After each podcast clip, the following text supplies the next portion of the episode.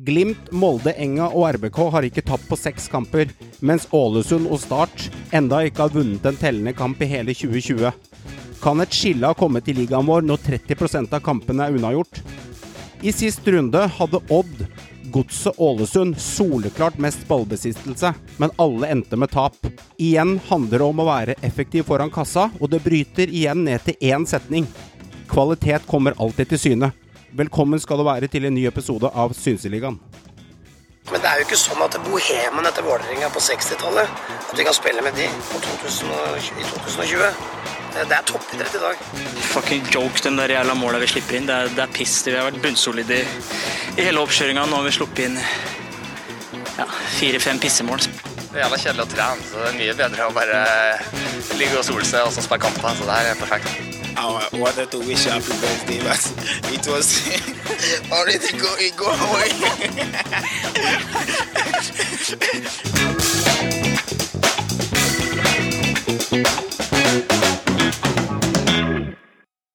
Før vi går løs på kampene som var, gutter, så fikk jeg en liten reminder på Instagram av en uh, følger av oss. Uh, Mikkel Lendel kaller han seg. Og han skriver angående softis i episode 35. Så kom jeg tilbake med den, sier han. Narvesen Svolvær Torg pleide å være en divisjon for seg sjæl, og der hadde de blant annet tørrfisk som eget strø på softisen, Håvard. Det er sjukt. Det er bare i Nord-Norge. Det er konge. Jeg lurer på om det må være litt sånn, litt sånn uh, ekkel ettersmak på den softisen. Når du er ferdig med å trøkke den der softisen med da fiskestrø, da tror jeg det setter seg litt i kjeften en stund. Altså, det er noe annet enn Liekroa Billigkiosken på, på Innlandet, eller kroa hvis vi snakka om nede ved Brekkestø. Og så skriver han også etterpå, for jeg spurte er dette tull, eller er det a practical joke? Og da skrev han nei, det er 100% sant, men jeg turte aldri å prøve. Og de skrøt på seg også at de hadde nest mest salg av is i Norge i antall enheter. Så det er softis-sjapper der ute, Joakim, som leverer ganske gode tall. I tillegg så kjører de opp med rett og slett tørrfiskstrø, altså. Jeg, jeg, håper ikke det var det som gjorde at den uh, bedriften er solgt så bra. Turistene biter jo på, da. Men apropos rare matvaner, så i Island spiser de råtten hai, så det er mye rart der ute. Ja, det er, det er mye, det er mye nerva ting man ikke tenker på, faktisk. Og det er litt sjarm òg, da. Altså, det blir som el, sånn elgbæsj på glass som man selger til alle turistene som kommer. Og så bruker man sånn syltetøyglass, ja det er sant. Og så fyller man det opp med, sånn, med elgbæsj, og så fyller man det, og så selger man det til sånn 89 kroner for en halv kilo. Så tar de med seg hjem som suvenir. Så det, det er mulig å tjene penger på mye rart. Absolutt. Brann, Håvard. To kamper i den midtuken som var nå. Ja, Da står dere igjen med ett poeng. Et tap mot uh, Odd der, og så får dere et lite stusslig igjen mot Start. Uh, hvordan er kjenslene i kroppen for ett poeng på to kamper? Nei, altså er, Det er kjedelig, rett og slett. Jeg, jeg syns ikke Altså, Odd-kampen, det var en svak uh, bortekamp. Der var de rett og slett, der var vi rett og slett ikke klare når fløyta gikk, og det er egentlig et fortjent tap. Altså, vi har noen småfarligheter i første omgang der, men eh, generelt så er det for tynt. Mens eh, startkampen så styrer vi mye, syns jeg. Så Start er farlig på kontringer. Men eh, det er en kamp vi skal vinne. Altså, SM Bamba han, han, er dessverre ikke på en måte han, han spiller ganske bra, det er det verste, men han klarer ikke å få ballen i mål. og Det en spiss skal gjøre, spissen skal skåre mål. Og så er det flere spillere som sliter litt, som vi er egentlig avhengig av skal være i form. Men Fredrik Haugen han blir bedre utover kampen. Men selve laget lider litt. Det lugger litt. Det går litt for treigt. Det er litt for mye på tvers og litt for mye bakover. Men så har vi liksom momentum i kampen også.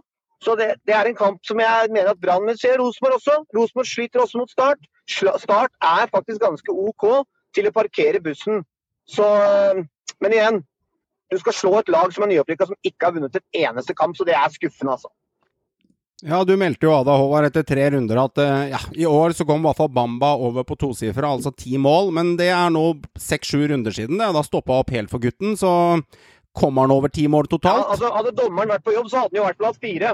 Ja, Men skal vi skylde på dommeren? Ja, men altså Hadde dommeren vært på jobb, så hadde han hatt fire, for det målet er jo feilaktig, feilaktig avblåst. Og ja, ja. gutten kommer til sjanser. ikke sant? Han kommer til store sjanser hver eneste kamp. Men saken er den. Du må sette de, da. Men jeg tror at før eller siden så løsner det for Bamba. For han er faktisk i form. Han spiller bra. Han leverer målgivende pasninger. Han klarer ikke akkurat nå å skåre mål. Men jeg, altså, jeg gir ikke opp Bamba, liksom. Han, han er en giftig spiss. og jeg tror at han, eh, han må bare få litt sånn ketsjup-effekt, tror jeg, da, med Bamba. Men klart, øh, syv kamper siden sist scoring. Det har stoppa litt opp, men han blir jo redda litt av en god Komson, da. Altså, Komson øh, ser ikke ut som han har gjort noe annet enn å skåre mål hele livet. Altså, Komson det er jo en spiller som ikke har levert egentlig i nærheten av hva han leverte i Sogndal. Plutselig nå skåra seks mål. Mm. Det er mer enn mål det han har skåra på to sesonger til sammen, eller nesten tre sesonger til sammen. Mm, Så han har det virkelig løsna for. Og, og Du kan jo begynne å lure på om det har det med publikum og den biten der, for han har jo slippet seg løs. Og er målfarlig hver eneste kamp. Jeg syns ikke han var så god i går, men han leverer nok en gang mål, da. Det gjør han. God an. Joakim Godset seg en lærepenge i leksjon på hvordan du skal være effektiv fotball som Molde driver med. Godset hadde ballen mest, men Molde de viste at vet du, vi har klassespillere i alle ledd. Smack, så var dere senka rett ned i gjørma. Men kampen før så tok dere tre poeng. Fornøyd med uka? Med tre av, tre av de seks på de to kampene? Ja. Vi vant, altså, vi vant jo den viktigste kampen. Eh, Mm. den kampen vi skulle vinne, den vant vi, og den vant vi ganske, egentlig ganske overlegent. Eh, det var egentlig aldri noe tvil. Etter et kvarter 20 minutters spill så var det aldri noen tvil for meg hvor poengene kom til å havne i den kampen. Riktig. Uh, den kontrollerte dem fint inn.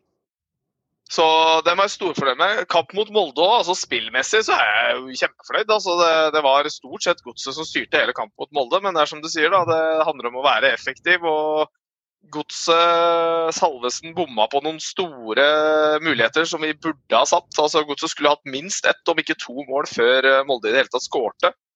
Eh, Og Der går det på ineffektivitet, og det har vi jo sett hele sesongen. Eh, dessverre, fra sin side, at eh, spissene spesielt, da, de er ikke effektive nok foran mål. De jobber mye, de leverer Altså, de spiller bra kamper, men det blir ikke noe mål av det. Ehm, så spillemessig så er det høres rart ut i en 0-4-kamp, men det var jo ikke en 0-4-kamp. spillemessig kjempeflaut, men eh, det er klart eh, å få de måla i rask uh, sesjon rett etter eh, starten av andre omgang, det var eh, tungt og tok, eh, tok vekk en del av spillet på, til godset, så jeg. Nei, Jeg er enig med deg. Det er jo ikke noe typisk 4-0-kamp det her. og Godset hadde jo vanvittige sjanser i første omgang. Er jo egentlig det er jo udyktighet da, av en Salvesen der å ikke skåre på noen av de feite sjansene der. De, de må du skåre på mot Molde. Og så ser jo Molde de er effektive, ikke sant? Plutselig står det 4-0. De hadde vel fem sjanser i hele kampen, tror jeg. Fem eller seks Ja. sjanser hadde Molde i løpet av kampen og putte De er fire. dødelig effektive foran kassa, og det Ja. er ikke godset. Altså det, men det Salvesen skuddet i stanga der, det er jo, det er jo klasses, klasseskudd. Det er på en måte mer sånn er et par centimeter eh, for langt ut til sida, liksom. Også, men men så, det er andre sjanser der de heller skal score på, som er for dårlige, da. Der Ja, ja. må du klare å levere mål. Skal du slå lag som Molde. Noen marginer er det, men eh, det går jo først og fremst på eh, å være dyktig nok og effektiv nok til å få måla inn når du får sjansen. Og Bare i første omgang så skulle Godset hatt i hvert fall to mål. Og det, det er klart, da blir du straffa. da. Og det føler jeg er problemet med det godselaget, på en måte. at som jeg har nevnt før, spissene skårer ikke nok mål. Nå har de virkelig nok fått seg et par skåringer og sånn, men altså det, det, eh, det godslaget er avhengig av at de gutta leverer målpoeng. Det er de, altså. Absolutt. Men du kan jo ta det samme med Brann, når Bamba plutselig stopper å skåre, og man lener seg kanskje litt mye på Konson, og han spiller jo enormt om dagen. Uh, ja, men da har dere to, to seire på sju kamper, og da uteblir disse trepoengerne ganske fort også. Så alle lag, om det er Rosenborg, Brann, Vålerenga, Sarp, Mjøndalen, spiller ingen rolle hvem det er nå, er jo avhengig av spissen, og vi ser jo det. De, de på toppen der, Bodø-Glimt har en spiss. Molde har i hvert fall noen angrepsspillere. Vålerenga de har egentlig ikke en spiss som skårer mye mål, men de har lurt seg inn på en tredjeplass. Og Rosenborg de, de skårer litt fra alle posisjoner og skårer lite mål, men eh, det er litt RBK over da. Vi kan snakke litt om mitt eget lag der. Eh, Rosenborg 15 poeng. På de siste seks matchene så står de med Altså, de er ubeseira på seks matcher. Fire seire og to uavgjorte. Resultatmessig, hvis vi går bare på resultatmessig, så har Rosenborg kommet greit unna med det. Jeg syns det er greit med 14-18 poeng, men sånn som RBK ser ut, så syns jeg det ser helt begredelig ut. Altså, vi spiller igjen eh, svak fotball. Vi spiller ikke ut noen lag. Vi dominerer nesten ingen kamper. De spiller ikke på to, andre og tredjebevegelse. Rosenborg har kun én eh, bevegelse i front av ballfører, så det er veldig stillestående. og Det er veldig virkelig sånn apatisk, og det virker som RBK skal ned igjen. Ned og hente noe i forsvar før de skal gå i angrep. Altså, det ser helt amputert ut. At de vinner fotballkamper er nesten et under i seg sjæl. Så at Rosenborg ligger på fjerde, jeg er noenlunde fornøyd med det, for jeg har kommet greit unna med de siste seks kampene. De taper jo ikke.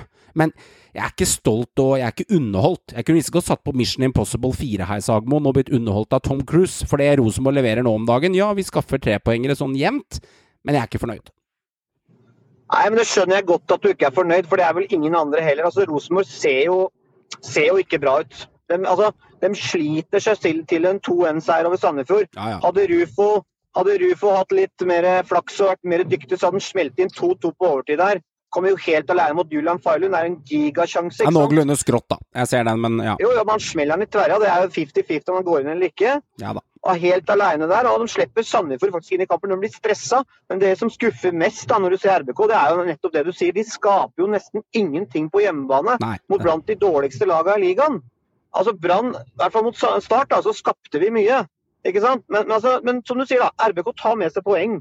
Det gjør de. Men det er på en måte det eneste du kan glede deg over også, for spillemessig er det jo, er jo ikke bra i det hele tatt. Børven skåret ett mål siden han kom. Han er henta for å skåre mål. Ikke sant? Mm. Altså, Du er avhengig av spisser som leverer mål, men du, de må servere han også, da. Det er noe med det. Ja, altså, er jo, altså Hvis Børven blir servert, så er han en kvalitetsspiss. Så er jo ikke hans skyld. Han kan jo ikke akkurat begynne å serve seg sjøl. Og Dino lider litt av det samme også. Han ble sånn hoggestabbe de første fem rundene når Rosenborg ikke vant kamper. Men begge de to spissene til Rosenborg lider av det. Og så blir det litt sånn ja, de kunne ha skåret mer mål. Det som redder RBK, er at de har minst innsluppede mål sammen med Molde. De ligger med syv innsluppet mål på ni kamper. Og det gjør jo at RBK er redda, litt som i 2018-sesongen som dere var innpå, Joakim. De blir reddet av et godt forsvar, og at de er defensivt sterke. Bare denne gangen her, Joakim, så er det to lag som vinner alt på toppen, og det er Molde og Bodø-Glimt. Og denne gangen her er det laget som vil vinne Eliteserien 2020, og det lider Rosenborg litt av. Ja, det er klart det er det som er problemet til Rosenborg. er jo det at de, eh, altså 2018 det holder ikke i år eh, å holde tett igjen bakover. Det det ikke. Det, det, det, går ikke. Dem, eh, og de er, som har vært inne på, de er ikke, det er ikke noe spennende å se på Rosenborg spille fotball i det hele tatt. Det er som å se et helt middels eliteserielag. Ja, Eneste er forskjellen er at de, fakt, de, de plukker poeng, men det er det. Den, altså, veldig ofte så føler jeg nesten at kampbildet i flere ganger så er kampbildet går egentlig den andre veien enn at Rosenborg skal vinne. Mm. Men de er sånn som ja, Bodø-Glimt og Molde. De er effektive og klarer å få veldig mye ut av veldig få sjanser. Uh, men det stopper der. Det gjør det absolutt. Så trekker jeg fram en spiller på RBK som har begynt å levere litt. Da. Det er jo Zakariassen. Han har faktisk begynt å skåre litt mål. Han er vel oppe i tre skåringer nå. og Nei, eh, han oppe i, han, er- han er oppe i fire. Oi, Opp i fire, ikke sant. Da, da ser du. Han har det begynt å løsne litt for. Men altså, for å se La oss si Molde og Glimt, de er jo i en egen klasse. Hvis du ser bak der, så er det jo rotterace. Det er jo så jevnt, ikke sant. Det er jo Mm. er en, er en, eh, er en sju-åtte laga som ligger nærmest likt. Ikke sant? Det er så jevnt. Og, og det er altså stor kvalitetsforskjell fra de laga og på Molde og Glimt. Molde og Glimt spiller veldig solid, spiller, spiller bra, fin fotball. Mm. Vinner med store sifre nesten hver eneste kamp. Mens de andre lagene under der halter seg videre. Vålerenga på en tredjeplass imponerer jo heller ingen. Det er ingen som de snakker om dem. Ingen som snakker om Vålerenga. Og for tre-fire runder siden nå var, så pratet vi om KBK var i vinden. Og så har plutselig de stoppet opp de siste fire kampene. Og vips, når du stopper opp som KBK har gjort, så er de på niendeplass. Men Mm. Tar de, men, men tar de fire poeng til, så er de plutselig oppe på fjerde. Ja, det er det. Så vinner en kamp der, så er du plutselig melder deg på. Se på Odd nå, kommer fra sida. Stabæk, som vi snakka om. Stabæk kommer til å slite. Plutselig er Stabæk der oppe igjen. Ikke sant? Altså, Mm. det, det snur så fort. Det er bare en seier, så er du meldt deg på igjen.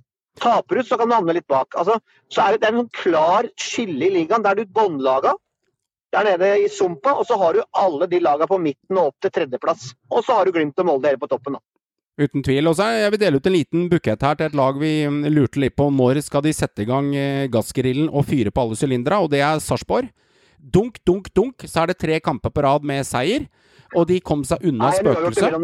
Ja, uavgjort imellom der, men de kom seg unna, unna spøkelset. Og så endte det med at uh, nå står Sarpsborg med ti poeng.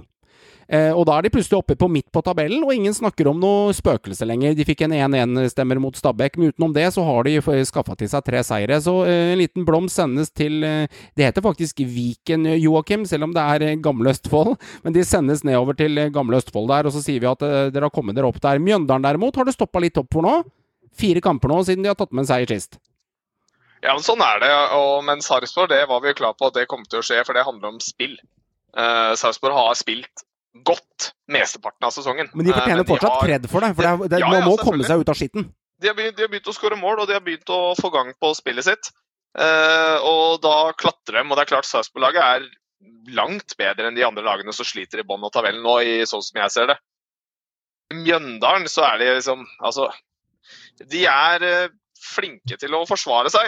eh, og de er flinke til å ligge dypt, og de er flinke på kontringer. Men etablert spill er jo ikke akkurat noe Mjøndalen har særlig av. Uh, og da, Du merker de er veldig gode mot gode lag, det er de ofte. Men de sliter mer å spille ut uh, andre lag som legger seg lavt, eller som spiller på samme måte som de gjør. Uh, og Da blir det også tungt å skaffe poeng. Det gjør det, men på, på ingen måte en dårlig sesongåpning av Mjøndalen heller, syns jeg. Det er ikke forventa at de skal ligge og slåss i toppen av tabellen uansett. Jeg må si to ting om Mjøndalen. det er jo et lite, det er jo et lite varsko når du, når, du, når du ikke vinner på fire kamper. Ikke sant? Da har det snudd litt av den oppturen. Du ser KBK også nå. Vi har hylla KBK, men det som eh, slår meg med KBK, de har en spiss som ikke skårer mål. Og det har vi også snakka om. Du, de laga, du trenger en spiss som skårer. KBK kan ikke lene seg på Pelle hele tida. Han er wing. De andre gutta må også levere mange lag. Nå har Ibrahim slutta å skåre også. Vinner plutselig ikke Mjøndalen. Fredrik Brustad er jo vaksinert mot å skåre. Stakkars gutt, når han plutselig skårer, så blir du avblåst. Da trenger flere gutter som leverer målpoeng. Du kan ikke bare lene deg på én spiller, ikke sant? Men for å snakke litt om Mjøndalen, da. De starta forrykende her. og uh, sto plutselig med en sju-åtte poeng her etter ganske tidlig etter fire-fem runder, Håvard Joakim. Og så er det én ting med Mjøndalen. Ja, eh, mot mot Mjøndalen så kunne Nei, beklager, mot Molde så kunne de stjålet med seg poeng der da Gau- Gauseten brant til straffesparket. Presset ble for stort eh, i Rosenes by. Den er grei, og det er typisk båndlag å misse den. Men jeg må si én ting om Mjøndalen. Mjøndalen er det laget som har vist at Bodø-Glimt har en liten svakhet, hvis vi skal terpe litt borti eh, Glimt fra sida. For det Mjøndalen gjorde i andre omgang med Glimt, når de begynte å pælme baller, de begynte å spille på fysikk, de begynte å gå i kroppen på dem, de begynte å gjøre av det som Bodø-Glimt ikke liker. Bodø-Glimt er fo fotrappe små jævler, og jævlig gode på det. Men når Mjøndalen begynte å tulle og rokke borti og dytte litt i skinka på, på Glimt her, så begynte Glimt å vakle lite grann. Jeg sier ikke at de, de dreit seg ut, men de holdt unna. Men det var så vidt på den sjansen som han eh, med Andreas der på Mjøndalen hadde til slutt der. Han klinker den fra tre meter i tverrlegger over. En spiss på et normalt nivå ville satt den der, og dunk, dunk, 3-3. Så Mjøndalen har noe med seg.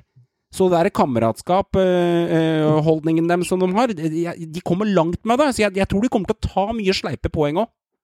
Ja, så skal du ikke glemme hvem de har møtt òg. Du må huske på i starten av altså de første fem rundene så møtte de i prinsippet lag eh, altså det, Du har eh, Ålesund, du har eh, Viking, du hadde et Sarpsborg som ikke var i form. Altså De møtte lag som eh, de er like gode som, eller skal være like gode som. Det er godt poeng. Uh, med, med unntak av KBK, da, da tapte de. Ja. Men det er klart de siste rundene nå, så er det klart da, sant, de har spilt borte mot Godset. Det er jo ikke en lett kamp, selv om det, det, det, det er Godset. men det er en 50-50-kamp, uavhengig av du formen er. Molde, ja, så har de møtt Molde, og så har de møtt Glimt. Ja, Eh, Så, altså, det er klart at de har møtt vanskelige lag, og har jo egentlig ikke gjort seg bort. nå Det har de ikke. Så nei, som sagt, jeg, jeg tror de egentlig har fått en ganske grei start med tanke på hvordan kampene har gått, men poengene har uteblitt, og da faller de nedover. Men igjen, som vi er inne på her, så syns jeg som, altså Mjøndalen er seige, de er ekle, de er tunge. De er det. Det er full trøkk hele veien. Det laget gir seg aldri. Det gjør meg ganske sikker på at det laget ikke vil rykke ned. For jeg synes uansett, selv om de har tapt fire eller ikke vinner på fire kamper nå, er det tapt fire eller ikke vinner fire? Eh, skal vi se, jeg skal dobbeltsjekke dem for deg, siden du er uh, veldig der. De tapte nå sist, og så Tror du det var én uavgjort. De har Ja, eh, Uansett. Det gjør meg uansett ganske sikker. sikker det gjør meg ganske sikker på at de ikke vil rykke ned. For det er så mye trøkk og guts, og det er også kvalitet i laget deres. I sentrallinja med Nakim, Makani, Olden Larsen og en Ibrahim. Og så har du flere å spille på. Det laget der er heva betraktelig fra i fjor. Og hvis du sammenligner f.eks. MIF da, med ÅFK, Sandefjord og Start, da, selv om Start har faktisk også kommet seg litt, så syns jeg at MIF har mye mer kvalitet i laget sitt. Jeg er ikke bekymra for at eh, Vegard Hansen og MIF rykker ned, det tviler jeg sterkt på. Kan vi vippe pinnen litt over til Haugesund? Haugesund hadde tre kamper midt inni her. Da hadde ikke slapp inn mål, Joakim. Men eh, når vi summerer opp her, så er det ett poeng over kvalifiseringsplass og har ikke vunnet på femte kampen nå, siden de vant. Det er tap, tap, tap, uavgjort. Jeg venter egentlig bare på at Haugesund skal begynne med det der seiermaskineriet sitt, ja, Joakim. Og så ender det med at de taper 1-0, 2-1. De ligger hele tida nede. Og jeg er ikke imponert over det de har diska opp med her heller. Nei, Jeg veit vi var inne på det, men jeg personlig var vel ikke heller helt enig i at nødvendigvis Jeg syns ikke de, det er så lite spenstig med Haugesund. Nå har veldig sjelden Haugesund har vært et spenstig lag å se på, men jeg syns det er veldig døvt det de eh, viser på banen. Altså, jeg syns det er uh, igjen litt det samme som håper jeg, de andre lagene. Det er lite det er lite eget spill. Det blir litt mye sånn hipp som happ. De skaper veldig lite. Altså, Eh, Kjellmann er jo naken. Han er naken, Ja, og som altså- Kastrati. Ja, ja, altså det, det skjer ikke, men det er ikke så rart, da, for laget klarer ikke å skape sjanser. Altså, Du ser jo også tape 2-0 hjemme mot Viking, et lag som i prinsippet har slitt voldsomt med å få noen mål i noe som helst hittil i sesongen. Mm. Da legger du litt av grunnlaget for det. Jeg syns Haugesund ser eh, sliten ut. Eh, jeg, jeg tror ikke det er noe typisk nedrykkslag, eh, egentlig. Men det er klart de, Noe må skje der. De må begynne å komme i gang og begynne å kjempe. For det er, det er det de er kjent for tidligere. De må kjempe til seg poeng. Og det gjør de ikke nå. Jeg er enig. Jeg syns, Haugesund har blitt en av de mest tristeste lagene i hele ligaen.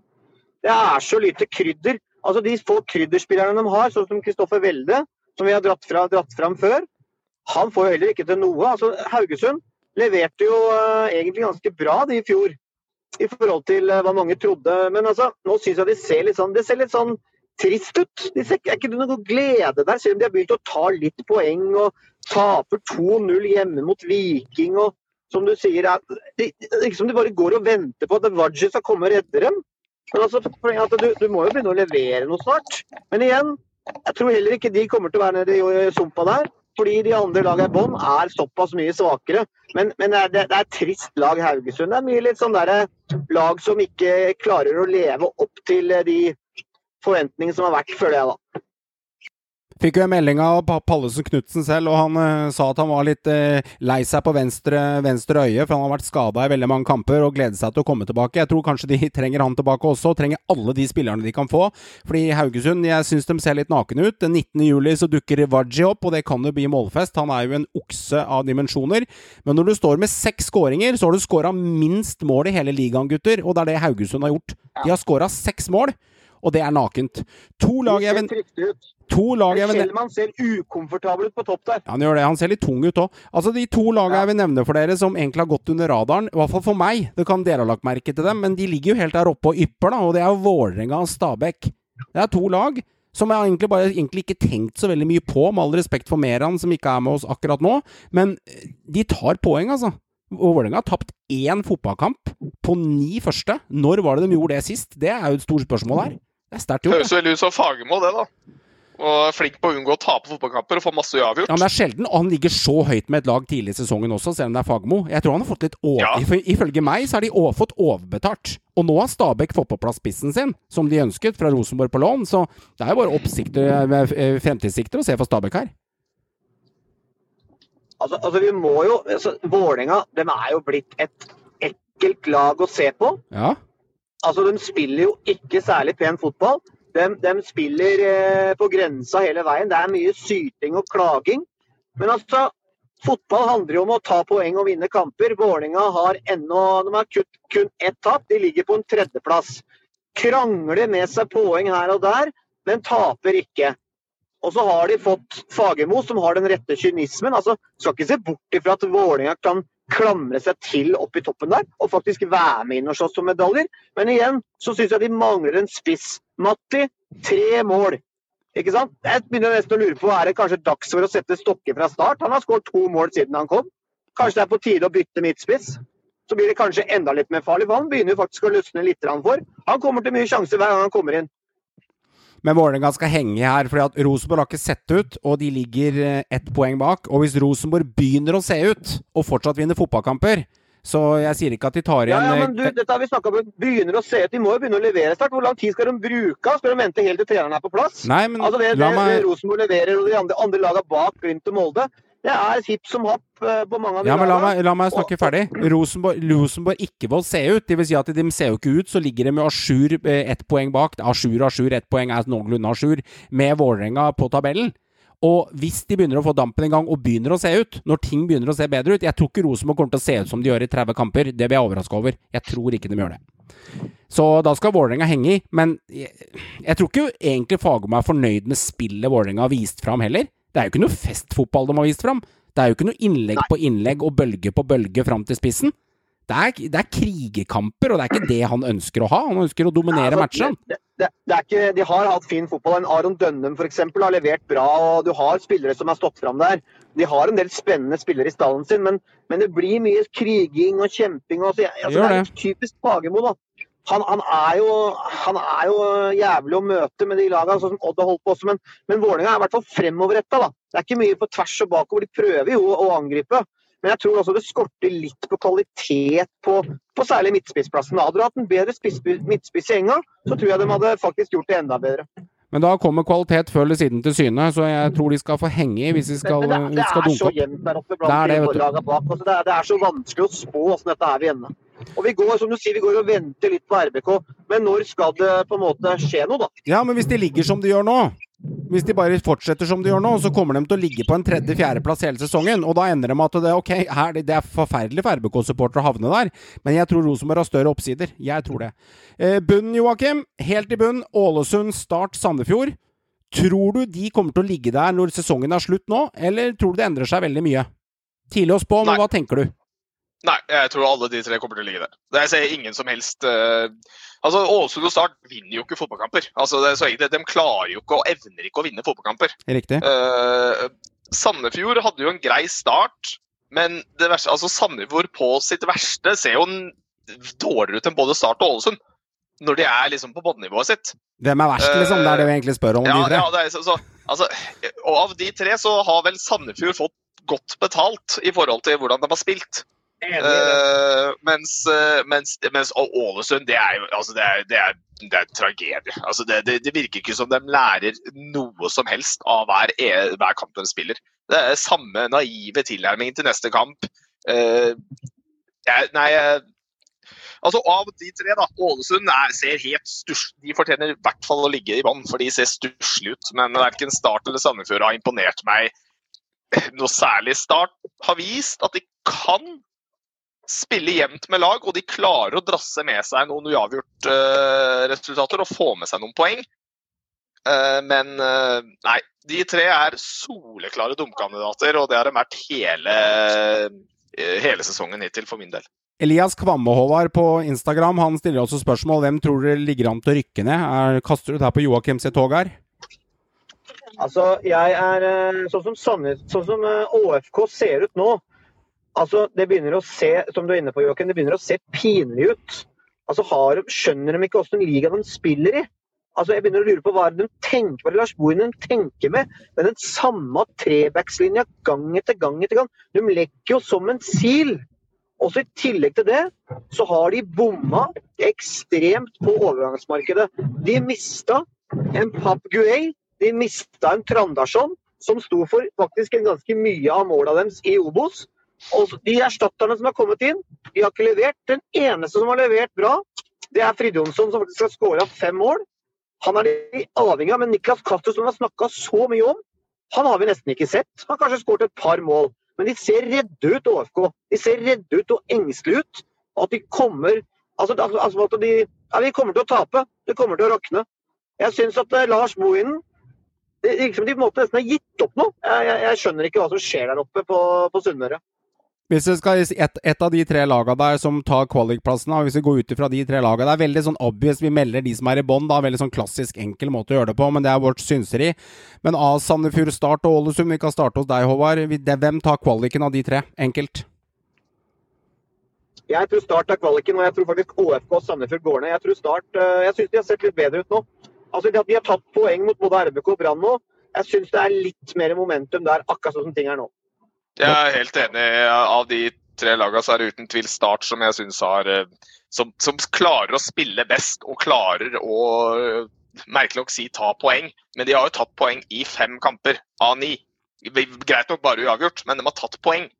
Mm. Eh, Så jeg er helt enig med Håvard. Av de tre, Start ser best ut. Så Sandefjord prøver jo å spille ball, men det er bare ikke nok kvalitet i laget, tror jeg. til å holde seg. Nei. Hei, Amal Pellegrino fra Kristiansund. Vil du vite hvordan det står til med profilene i Eliteserien? Lytt til Synseligaen. Spillernes oppgave er å levere på banen. Din oppgave som lytter er å bedømme oss i etterkant. Fantasy-gutter, hvordan var sist runde? Jeg kan jo starte på toppen mens dere tenker litt om. I Synseligaen sin gruppe nå så leder Jens Petter Hauge med 568 poeng. Bodø-Glimt tar rent bord, altså.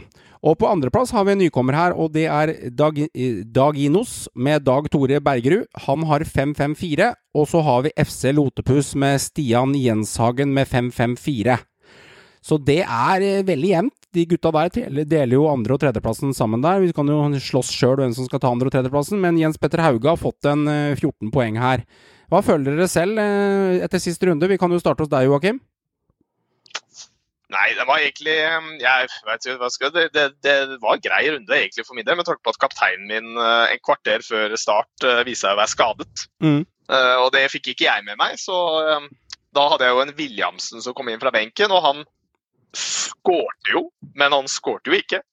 For det ble jo avblåst. Um, og så er det feil spillere på Bodø-Glimt som plukker poeng i forhold til mitt lag.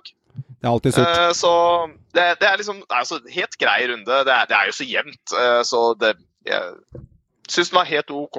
Eh, fikk med, dratt med meg litt poeng, så jeg ikke gikk i minus. Og så ble jeg redda litt eh, Trist nok ble jeg redda litt av Linde på keeperplassen der, for han hadde jeg ikke bytta ut. Så fikk jeg noen poeng der. Du har fått bra betalt for Linde 300-400, altså med et par-tre straffespark Ja, ja. og clean sheet og Men det er jo ganske safe. Det var derfor jeg valgte den. Uh, Å putte Linde bakerst, det er ganske safe. Du veit du kommer til å dra masse poeng gjennom hele sesongen, og du trenger sjelden å bytte den ut. mm, okay. uh, Så um, det er fair, den. Ser den. Nei, han gjorde noe, altså, noe irriterende som irriterer meg nesten ennå. En Kasper Junker der som kaptein. Det der fikk jeg rett og slett ikke med meg før fristen gikk ut. At han ikke skulle spille. Ufattelig irriterende. Jeg trodde han skulle dunke inn et par-tre goller på konto der, og så spiller han ikke. Så jeg er vel Ibrahim eh, eller en Sol, eh, Solheim jeg får inn der, og det er vel to poeng. Som eh, kunne vært en junker der som kunne bøtta inn litt skåringer. Og så en, en annen tabbe var å ta ut Hanke Olsen. Han satt jeg på benk, for jeg trodde at Stabæk skulle få det tøft i, Ålesund, faktisk. Merkelig nok. Men han, de, de vant jo greit, og Hanke skåra på straffe. Så han dro vel med seg en eh, 11-12 poeng. Det er Så det var en tabbe. Men ellers så, så det ikke så verst ut. Jeg fikk nok en gang poeng på Komsom og Glimt-gutta mine, så helt greit. Men ikke noe runde å skryte av. Altså Interessante med dere er at dere ligger nesten dødt løp. da 23. og 24. plass. Synseligaen Håvard og Synseligaen Joakim. Dere er to poeng som skiller dere. Det var 53 og 43 poeng. Håvard fikk 53. Det interessante her, for å nevne det, jeg kjørte jo rik onkel-runden her, gutter. Og Håvard fikk jo 53. Men når jeg kjørte rik onkel Sagmoen, så stakk jeg ikke av med mer enn 60 poeng. Så du kan jo egentlig si at jeg fikk skivebom på rik onkel og får 7 poeng mer enn deg. Det er ganske dårlig betalt. Ja, der må jeg si du fikk dårlig betalt, som du også gjorde på wildcardet ditt. Så du må lurt. Men eh, det er litt sånn, da. Eh, Jeg kjører en Amada. eh, Egen, He Hedenstad, Egen Hedenstad på Rosenborg går ut etter 30 minutter. Eller, ikke sant? Det blir litt sånne ting. Og så har du en sinkelnagel der, og så treffer jeg på Boniface. Jeg treffer på James, men Eikrem slår én assist og stopper på fem poeng. Hva får jeg gjort når de vinner 0-4? Jeg plukker jo riktig spiller. Jeg kan ikke akkurat spå gjøre noe mer enn det. Så du har James inne på laget igjen? ja da, men jeg, dette er rik onkel, da. Så dette går, faller jo vekk neste runde, Håvard. Eh, og, så- og så har jeg en Børven, for jeg tør ikke noe annet. Eh, og han går jo målløs av banen. Pellegrino skårer ikke. Ja, men da stopper jeg på 60, da. Og så slipper Amala inn et skitmål der, og da får han ett poeng. Så jeg må bare leve med det. Det er helt greit. Men jeg nærmer meg lite grann. Så jeg begynner å komme på side to. Selv om jeg er svakest i Synseligaen av oss, eh, oss fire gutta. Men det er moro at det er mange som følger med, og jeg får mye tilbakemelding av dere lytterne også, som, eh, som eh, melder og mener og ser på mitt lag og ser hva jeg får til og ikke får til. Jeg syns det er kjempekult. Jeg skal ta fram ett lag i dag og snakke litt om det. Da tar jeg fram Team Bogget på tiendeplass, nei, tiende- tolvteplass, beklager. Espen Bugge, du fikk 74 poeng og gjorde en kjempeklatring denne runden. Det er godt levert. Den som hadde mest poeng hos deg, som var litt utenom radaren her, den er frekk. Det var Zakariassen med 30 poeng. Så det var godt plukka. Han har blant annet Sinkelnagel, Hanke Olsen, Bjørkan, Strand Larsen og Bamba på laget. Men Zakariassen, den er fin. Den tror jeg mange angra på at ikke de hadde på sitt lag denne runden. Herlig at dere følger med der ute. Gutter, Dønnum 8 millioner til Besiktas. Skal vi selge han, eller skal Vålerenga beholde han, Joakim? Altså, Som det ser ut nå, så det spørs det helt på økonomien. Altså, Dønnum er jo en av de få som faktisk eh, har virka og klart å skape et eller annet for det Vålerenga-laget enn så lenge. Mm. Eh, Så det er klart det blir tungt å miste han, tror jeg. Men eh, nå veit ikke jeg. Økonomien i Vålerenga er jo sjelden veldig sterk. Den er svak. Traum er nesten ute av det, og det er, de at- sliter. Ja, så at de, at de kan Jeg tror ikke de har mulighet til å si nei til å få åtte millioner for en spiller. Det tror jeg blir vanskelig å si nei til. Eh, Så det ender nok sannsynligvis i salg. Og så er det klart, besiktet altså, Du kan si hva du vil, men altså, det er jo et stort lag stor, og for Tolle stor liga.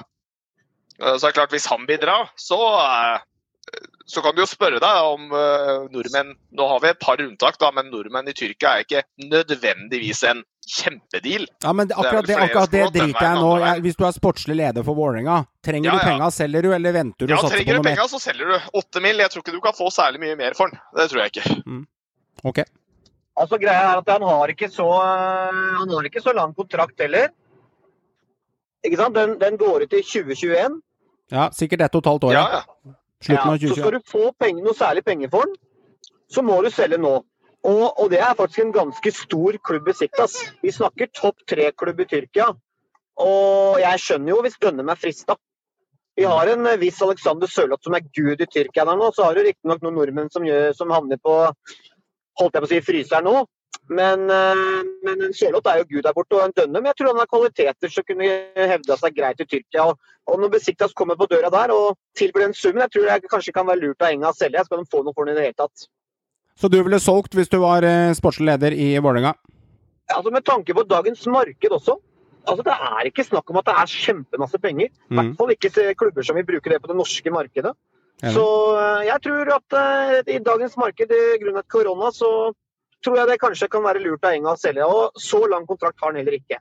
Ok, da kommer nesten utfordring. Vi selger han eh, om en uke til mandagen i sånn hypotetisk eh, brettspillregel. Så sier vi i neste greie, hvem skal inn Håvard erstatte for en grei penge der? Skal noen inn? Skal du spare penga, eller satse på ungdommen? Da mener jeg at Enga i troppen sin Du har en Dever Vega, du har en Saroui, du har eh, Bård Finne som er ute og inn. Du har faktisk ganske god dekning på ving i gjenga. Er det Så flere Sa akkurat- Sahoir, siden du sier én foran?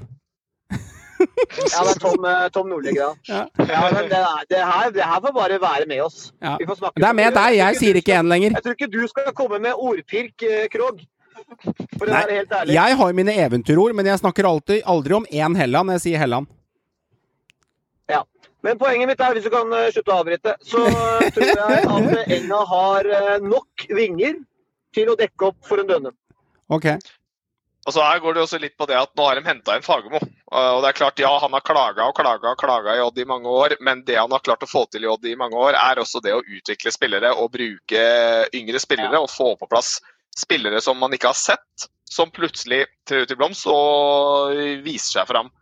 Så det er klart at Enga må ha fokus på å få økonomien på plass ordentlig og få en sunnere økonomi. Og Fagermo han har garantert fått den beskjeden om at han skal operere ganske likt som han gjorde i Odd. Uh, han må få spillere opp og vise seg fram. Uh, så jeg tror at uh, de bør gå i egne rekker og ikke kjøpe noe sånt her. De har, de, har, de har prøvd og kjøpt så mange folk fra utlandet, spillere du nesten aldri har hørt om som har kommet inn. De har feila, de har ikke funka, det har ikke gått. Eh, så bruk heller det du har, da. Bruk Oslo øst. Altså bruk, Det er nok av talent på Oslo øst. Hva med en eh, Niklas Castro fra Ålesund, tilbake igjen til Oslo-gryta? Plukke opp ham for en eh, fire-fem millioner kroner, dyrke han, han har noe X-faktor over seg. Er det et alternativ, eller er det waste of money? Han spiller ikke wing, han er ikke på denne posisjonen. Jeg, som jeg nevnte nå i stad, jeg mener at Enga har mer enn nok dekning i klubben fra før av. Jeg, jeg, jeg ville heller brukt penga på, noe- på noe annet da, enn å bruke det på en ving, for der har de faktisk bra dekning. Ok. Får heller prøve å finne seg en spiss til, for å si det sånn. Ja. Ja, det er litt alternativet. Altså, jeg skjønner at du må jo ikke bruke penger på samme posisjonen. Du kan jo begynne å kjøpe i en annet ledd og dyrke. Sjala har blitt flytta fra ving til offensiv, midt til defensiv. Altså, for, det er litt sånn, jeg vet at det er litt sånn delte meninger hva folk tenker om det, men folk har, lag gjør jo det. De dytter jo spillere fra høyre til venstre hele tiden. Ja, men altså, jeg syns faktisk eh, Det er en del spennende spillere gjengen har på ving, syns jeg. da, så, så at Dønnen forsvinner, det trenger ikke være noe krise. altså Når du får litt penger på boka, kan du bruke det andre steder. Så har vi nestemann på lista, eh, Jolpe Hauge. Vi snakket jo om Circle Brygge tidligere, og Synseligaen var en av de aller første mediumene her. Eh, Vårt eget medium, Håvard, som meldte den klubben den gangen. Og så ble det plukket opp av en god del andre etterpå. Eh, Det interessante med Jåpe Hauge er at han er satt på vent den overgangen til Belgia. Men er dette her noe han burde pushe på selv? Det er jo ikke mange ganger du egentlig får sjansen til å dra til utlandet. Eller burde han tenke at nå skal jeg vinne dette seriegullet og se på en større hylle? Vet du hva, jeg tror det er jeg tror det er akkurat det som skjer jeg nå.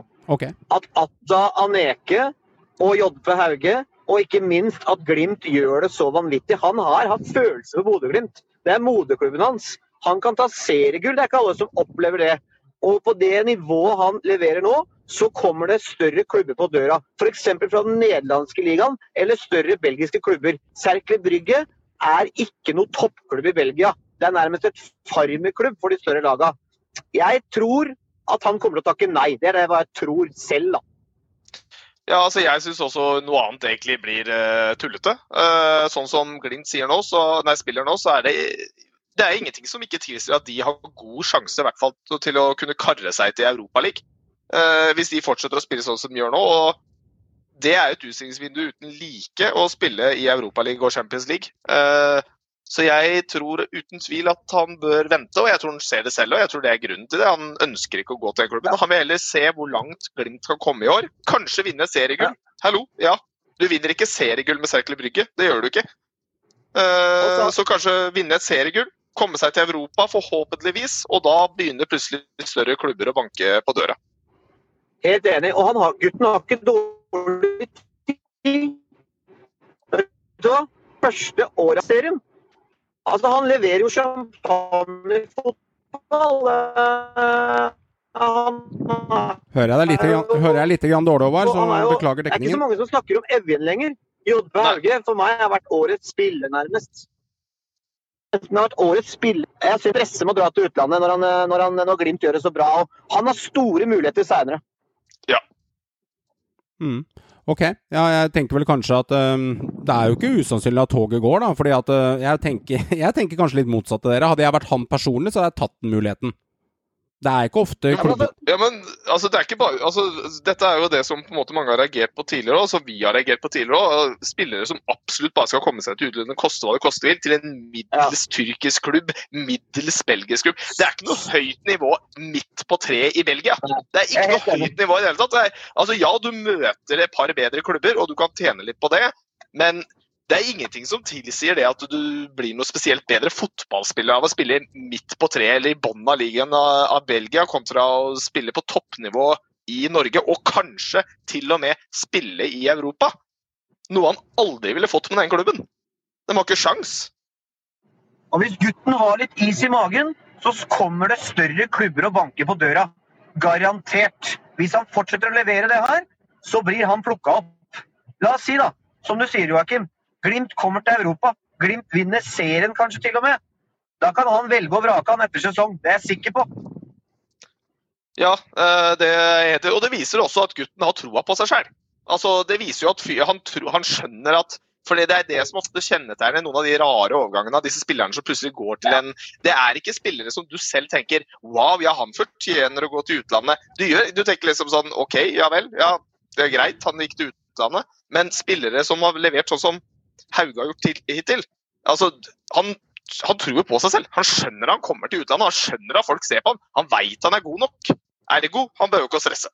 Ok. Jeg må bare gi en liten kommentar. Vi har et, et, et eksempel da, på en spiller som har tatt et feilvalg. Det er mange av dem. Jeg kan nevne ett eksempel. Ung, spennende spiller i Eliteserien. Han uh, gjorde det veldig bra for Sarpsborg i Europa League når de var der. Tobias Heinz har nå vært i fryseboksen i Tyrkia snart to år. Og ville han nærmest eh, til, eh, tilba seg sjøl til norske klubber for å hente den på lån. Ingen hentet han. Så han har fortsatt sitter i leiligheten sin i Tyrkia og soler seg uten å spille fotball. Så du må, du må tenke litt over klubbvalget ditt når du er ung spiller. Altså, Det er ikke bare å hoppe på første og beste, mener jeg, da. Ja, enig. Enig i den. En ny eh, eh, liten person fra sida. Meran Marandi Marandio, velkommen skal du være som fjerde Synsdelegamedlemmet nede i høyre hjørne med det flotte skjegget. God aften. God- takk, takk. Du har, hatt Alltid æ- du har hatt æren å gjøre i dag. Har du klippet gresset for naboen, eller lagd mid middag for blokka? Hva har du gjort for noe? Nei da, jeg har tatt meg jentungen ut på en skikkelig heldag i eh, Frognerparken og i Oslo. og Hatt det skikkelig moro.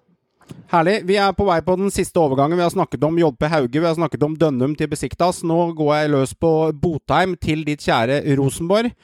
Og jeg kan jo lese først den lille herlige meldingen som eh, Bjarmann klarte å melde angående eh, Botheim. Så skal vi se hva han skriver for noe. Det er ikke lett å hevde seg som unggutt i RBK, og vi har nok litt mer tid til unge spillere enn det de har i Trondheim. For vi trenger ikke gåsetegn å vinne serien hvert år. Stabæk har en litt annen inngang på unge lokale spillere. Jeg syns det var godt oppsummert av Botheim generelt, jeg synes det var, nei, av Bjarmann generelt, å si det på den måten, at de har litt mer tid i Stabæk til å utvikle spillerne. Er du fornøyd selv med den overgangen? Dette var jo noe vi meldte allerede i mars måned, at dette er drømmesigneringa til Stabæk, Meran. Jeg har venta på Botheim et år. Eh, Rosenborg har ødelagt han over tid, og jeg er veldig glad for å se han i Stabæk-drakt. Ja ja, spiller ingen rolle, vi kan være uenige om det. Men jeg er veldig glad for at han er i, han er i Stabæk nå. Eh, Bjarmann har én jobb nå, og det er å få han på en permanent overgang. Fordi eh, jeg blir forbanna hvis vi har han ut sesongen og sender han tilbake til Lerkendal. Men Rosenborg har skrevet ny kontrakt med Botheim ut 2022 i desember for å utvikle han. Tror du det er så lett å snappe han, Håvard, hvis han skårer en 7-8-10 mål, eller tror du RBK er litt lurere over luggen der? Jeg tror fort det at eh, hvis Botheim leverer i Stabæk, Mm. så kan det skje akkurat det samme som skjedde med Alexander Sørlath. At han da som ung spiller går rett til utlandet eller en større klubb fordi han kommer til å levere i Stabæk. Det tror jeg Botheim sjøl tenker er en mulighet. Jeg tror ikke han er gira på å dra tilbake til RBK og sitte i fryseboksen der. Han ser dette her som en kjempemulighet til å spille fotball, skåre mål, få tillit, utvikle seg. Og jeg tror fort at det kan bli med den ene sesongen på, på Nadderud. Eh, skal nesten håpe da, for Stabæk sin del at han kanskje ikke leverer så, så vanvittig. Så han har mulighet for å bli der lenger. Så må vi ikke glemme at han får lov til å være seg selv. Eh, På Lerkendal så fikk han ikke lov til å være seg sjøl, måtte være stille, måtte være en annen person. Han må få lov til å være seg sjøl, han må vise sine beste sider og kvaliteter. Jeg er veldig klar for denne overgangen. Jeg, han leverte jo allerede første kamp. Skaffer en straffe. Hadde det ikke blitt straffe, så hadde han scora. Vi skal jo gi Bjarman cred, da. Meran. Du skal jo være fornøyd med at han klarer å lande denne spissen, da. Når vinduet Ja da. er stengt. Jeg tenker jo Det skal Bjarman ha cred for. Han har klart å lande en spiss når vinduet er stengt. Det så kanskje litt håpløst ut. En Madsen kom inn, som egentlig er ving og ikke spiss. Men nå har de fått spissen de har, de har leita etter. Hvor godt fornøyd, hvor godt fornøyd Meran, er du 1 til 10 helt, ikke sånn ti, det er ikke, Ronaldo, men hvor godt fornøyd er du 1 Nei, til 10? Hadde han vært på en permanent overgang, så hadde jeg sagt 9,5. Fordi Botheim har jeg venta på et år. Vi har Mm. prata om dette her et år nå, innad i Synsligaen. Det har vi. Har jeg venta på lenge. Og Botheim har jeg sikla etter. Det er, jeg har sagt det før. Det er to spisser i Eliteserien jeg virkelig sikler etter. Den ene er Botheim, den andre er Mava. Og vi fikk Botheim. Jeg er strålende fornøyd. Jeg er strålende fornøyd. Joakim, du kan få siste ordet på Botheim, så lar vi den stoppe der før jeg valser videre. Hvor mange mål på 21 kamper som står igjen, Joakim, skårer Botheim hvis han holder seg skadefri og får spille jevnt under Janne? Eh, Stabæk skaper en del, så skal ikke se bort fra at Botheim kan i hvert fall nærme seg ti mål for Stabæk i år. Mm. Det skal du ikke se bort fra. Så tett oppunder ti, sier jeg. Ja, det er en konkurranse Vi får se hva gutten har lagd av, da. Nå får vi se hva han kan levere. Vi hadde en konkurranse forrige uke der vi skulle dele ut et eh, Dplay-abonnement når folk meldte laget sitt med, med, med et resultat, og der har vi, kjører vi en liten trekning. Håvard, du skal få æren av å nevne et tall mellom 1 til 28, og da har, kårer vi en vinner av den som trekker med seg et års abonnement på Sport Dplay Premium til verdi av 159 per måned, der hvor du kan ha Dplay gratis på telefon eller TV i ett år, som eh, vi sender over en liten, eh, ja, det blir ikke en QR-kode, men det blir nesten en form for sånn eh, kode med et gavekortløsning, så de må ta kontakt med oss inne på Instagram, den som blir vinneren. Håvard, et tall mellom 1 til 28. 7. 1, 2, 3, 4, 5 Der har vi en vinner. Isak Josefsen. Isak understrek Josefsen. Du meldte ikke riktig resultat, det gjorde du ikke, men det er egentlig helt uinteressant. Du meldte at Vålerenga vinner 3-1 mot Haugesund. Konkurransen gikk ut på at du skulle melde et resultat. Det var det som konkurransen var på. Og hvis du tar kontakt med meg, Isak Josefsen, inne på Instagram på PM der, så skal jeg sende over koden til deg, og gratulerer som vinner av den. Hei sann, det er Lars Jørgen Salvesen fra Godset her. Nå er det tid for quiz, gutter. Spis ørene, gjør dere klare. Nå skal det kjempes om poeng. Quiz, baby! Da er det quiz, baby. Den kjører vi nå, og vi kan jo gå rett igjennom eh, poengene fra sist uke. Hvordan det ligger an. Og jeg må jo La si meg høre hvem som leder. Jeg må jo si jeg var ganske imponert over noen av de poengene som ble dratt i land her. Eh, Det, det er sterke Altså, Kvara United, Haugesund, ti sesonger. Det, det, er, det er noen virkelig røffe her, altså, som jeg må si at jeg er imponert. Og så må jeg si én ting, karer. Nå er det ingen som skylder noen spørsmål. Joakim har fått alt, Meran har fått alt, Håvard har fått alt. Men vi kan gå gjennom poengene. Det begynner å tynnes i rekkene til dere lyttere der ute. Vi har fått litt gode tilbakemeldinger på quizen av folk, og folk syns quizen er en stilig ting. Og vi kjører nå. Håvard, du står med Jeg hører litt pusting på andre sida, så hvis noen får retta på det, så er jeg veldig glad for det. Eh, Håvard, du står med 15 poeng samlet.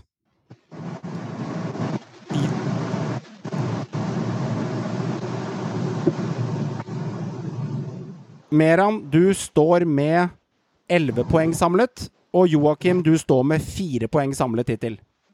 Men mye kan Har du, snu. fått, har du fått med poengene mine fra Tom da? Ja, du krangler, Petter. Sagmoen, jeg hørte gjennom forrige episode med deg. Du sitter jo og krangler på annethvert spørsmål, og alle poengene dine fra Tom Nordli er med.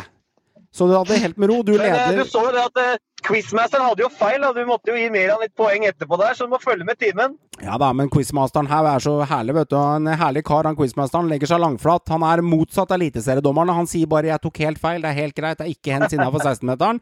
Og vi annullerer den straffesparket på Nadderud, så du får det poenget. Jeg har ikke noe problemer, er problemer med det, hvis dere, hvis dere sitter med Google oppe samtidig. Men da har vi gjort eh, enkelt eh, regnestykke her. Det er 15 på Håvard, og det er Meran på eh, 6-11, og det er Joakim på 4. Vi starter da med deg, Håvard, siden du leder konkurransen i dag, og dere får to spørsmål hver. Det begynner å tynnes i rekkene fra 1 til 6. Reglene er enkle. Velger du en ettpoengspørsmål, så er det enkelt å svare. Velger du et sekspoengspørsmål, så er det røft over kanten. Sagmoen, ordet er ditt. Jeg tror jeg går for en firer igjen, jeg. Går for en firer. Ja. Da er dette siste firepoengspørsmålet som er igjen i den potten, så er fireren brukt opp. Oi! Ja, men sånn er det jo. For alle, liksom, eller bare for meg? Nei, for alle, for jeg tømmes jo i en pott, ikke sant? Ja. Men det er, da starter spørsmålet. Fire poeng. Hvor mange gule kort fikk Tripic i 2019? Er det et firer? Ja. Ja, det er eh, OK. Klager du på den? Hvor Er det, mange er, gule kort? du vet jo han råtass, du kan jo resonnere deg fram. Du skal, du skal treffe på antallet for å treffe få fire poeng. Det er jo helt sinnssykt at det er en firer, men eh, jeg tipper ti, jeg. Mener du det er for vanskelig? Ja, det gjør jeg. Gule kort, hvem er det som pugger det? da? Gærninger pugger det. Er dere enige Ja, at det er for vanskelig? Nei, Jeg mener det er alt for her er vanskelig. Håvard på bærtur. Du er på bærtur, Sagmoen. Hører du det? Ja, det Jeg kan tipper, ikke jeg, mulig jeg, mye. jeg, jeg tipper ti. Er endelig svar avgitt? Ja, det er grisevanskelig, men jeg tipper ti. Det er ikke vanskelig enn Kvara United, men eh, svaret er åtte. Oh, var close, da. Det var close. Meran, kjør! Jeg tar en uh, treer. Ok. Hvor mange mål skåret Peter Kovacs for Godset? Du har pluss minus fem mål begge veier. Tre poeng. Å, fy faen. Det var sjukeste treerspørsmålet. OK. Ja, det er eh, heavy, altså. Nei, men det er todelt, Da kjører vi på med totalt gjennom hele godsekarrieren. Offisielle mål, ikke scoring mot Åsia i treningskamp på vinteren. Offisielle scoringer. Mottatt. Jeg sier 83. Er endelig svar avgitt? Jeg må jo bare Ja, det er det. Svaret er 73. Fy faen. Du bomma med ti, og det vil si null poeng. Det er jo bra Ja, det tippa. er fair. Det er fair. Det, det er heavy treer, det òg, altså. Ja, det Ja, ja. Det Ja, det var heavy treer, men det var hofta, da. Joakim, ordet er ditt. Ja, altså jeg har jo funnet ut nå at uh, jeg har for lite eh, ubrukelig informasjon liggende i bakhodet til dette her. Så skal jeg tenke strategisk. Så jeg går for en toer. Du kjører en toer, ja? Ener føler jeg blir for drøyt, så jeg går for en toer. Okay. Kjør den toeren. Ja. Hvilket år vant Viking Tippeligaen Eliteserien sist? Oi. Ehm, skal vi se. Den kan jeg, tror jeg. Mm, åh. Nå Ehm, så jeg bare finne ut hvilke år på 90-tallet Rosenborg ikke vant ligaen. Det var litt av tanken som jeg nesten begynte med. Jeg lurer på om det var før det. Eh, 19 92. Endelig svar, vet, endelig, 1992. endelig svar avgitt? Ja. Svaret er 1991. Nei! Ros Rosenborg er jo kjent for å eh, starte gullrekka si fra 1992. Det vet alle. Dette visste jeg. Det var Benny, det, gutta. Det var Benny. Ja da, det var, eh, det var Benny. Ok. Det, hvem er nestemann? Det er Sagmoen igjen. Ja, Siden det er så jævlig vanskelig i dag, så jeg ta en treer, da. Begynner å gå nedover her, altså. Ok. Og da vil jeg bare si um, Dette er det Ja, er siste treere. Dette er det Ja, siste trespørsmålet. Nå, er, nå begynner det å tynnes, så nå må man begynne å gå for de broilerne for å ta igjen Sagmoen. Men du får en treer, Håvard.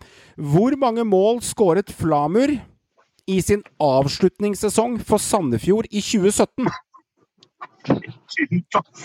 Er du røyka når du tok disse spørsmålene, eller? Nei, nei, nei. Eh, Flamur. Svaret på det er nevnt i en tre-fire podder tilbake angående når han var notorisk målskårer sist. Siste sesongen til Flamur i Sandefjord.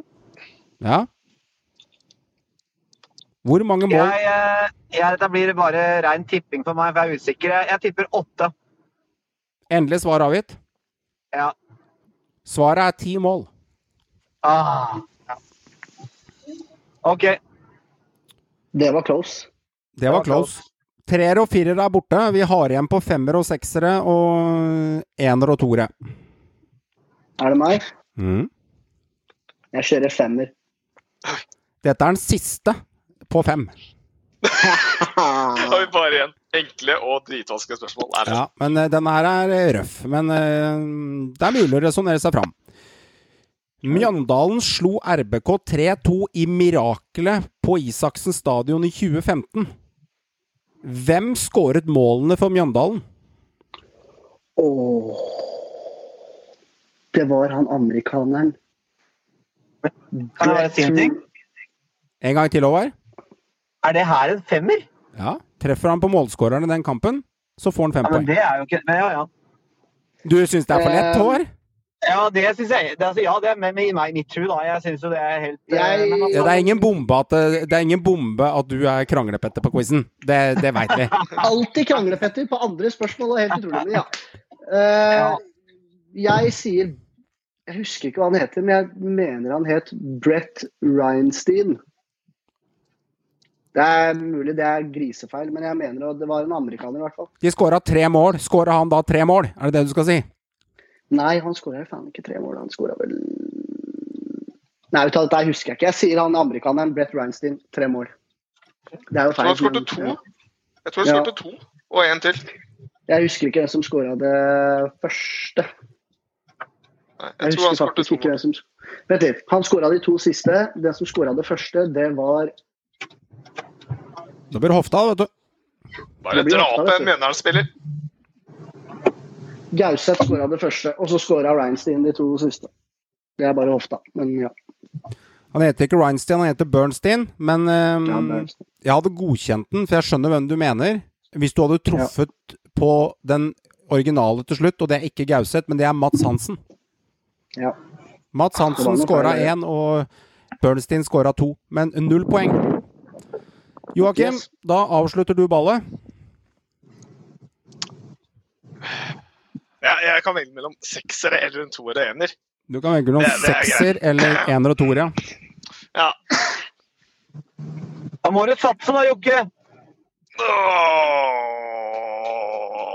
Ja, ja, jeg kan jo ha flaks. Det er ganske mange seksere igjen, da. Det er ganske mange mange seksere igjen. Ja. Nei, jeg, kjør, kjør på. Ta en sekser, da. Så får vi se. Jeg ligger så langt bak allikevel. Ok. Da kjører vi en sekser, og det er følgende. Hvem vant cupen i 2010, 2011 og 2012? Ja, en av dem har jeg.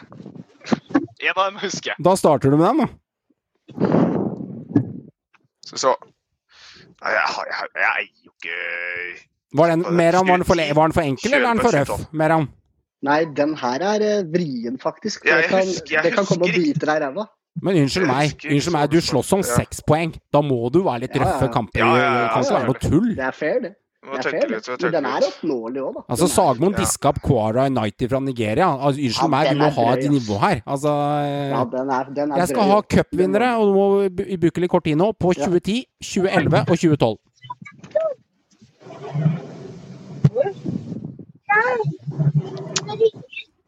Um, Godset. Ja. Ja, Godset. Ja. Godset. Og da kjører vi videre. Ja, da, ja.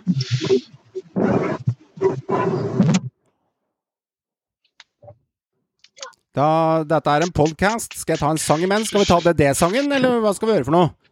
Han er ikke, jeg tror ikke Rosenborg. Så... Jeg kan, jeg kan synge Bodø-Glimt-sangen imens. Jeg kan hedre dem, siden de har ni. Skal jeg gjøre det? Eh, jeg kjører bare Nei, jeg tar Bodø-Glimt Godset. superlag. eh, Det er det beste vi har i dag. Bodø-Glimt. Viking og Dette er sirup. Det- Dette går for. Viking Nå må vi få et svar. Nå må vi få et svar. Rosenborg. Svaret er Godset. Ålesund. Og det berømte LAN-laget med Helland i spissen, Hødd. Ja, var det Hødd vant denne Så det er mulig å resonnere seg fram til hvis man følger med i timen. Ja, selvfølgelig. Så ja, sånn gikk det. Men det, det var ingen som fikk poeng denne runden her, da. Dessverre så gikk alle litt i baret, og sånn er det. Alle var veldig, veldig nære. Eh, gutter, jeg vil snakke om en liten ting, og det er følgende. Jeg har gått inn på eh, expected goals og kikket på det, og sett hvem som skulle hatt eh, mål ut ifra kåringer, ut ifra målstatistikk og sjanser skapt. Og så kan man synse om en sånn statistikk er eh, OK eller ikke OK, for det er jo ikke det som er svaret. Hvis et lag har skåret ti mål i Eliteserien og bare skåra seks, så er jo svaret fortsatt ti. Men det er en viss sånn slinningsmonne ut fra statistikk om hva som forventes. Og så har jeg sett litt grann, Det er veldig mye støy i andre enden, så tusen hjertelig takk, fjern det.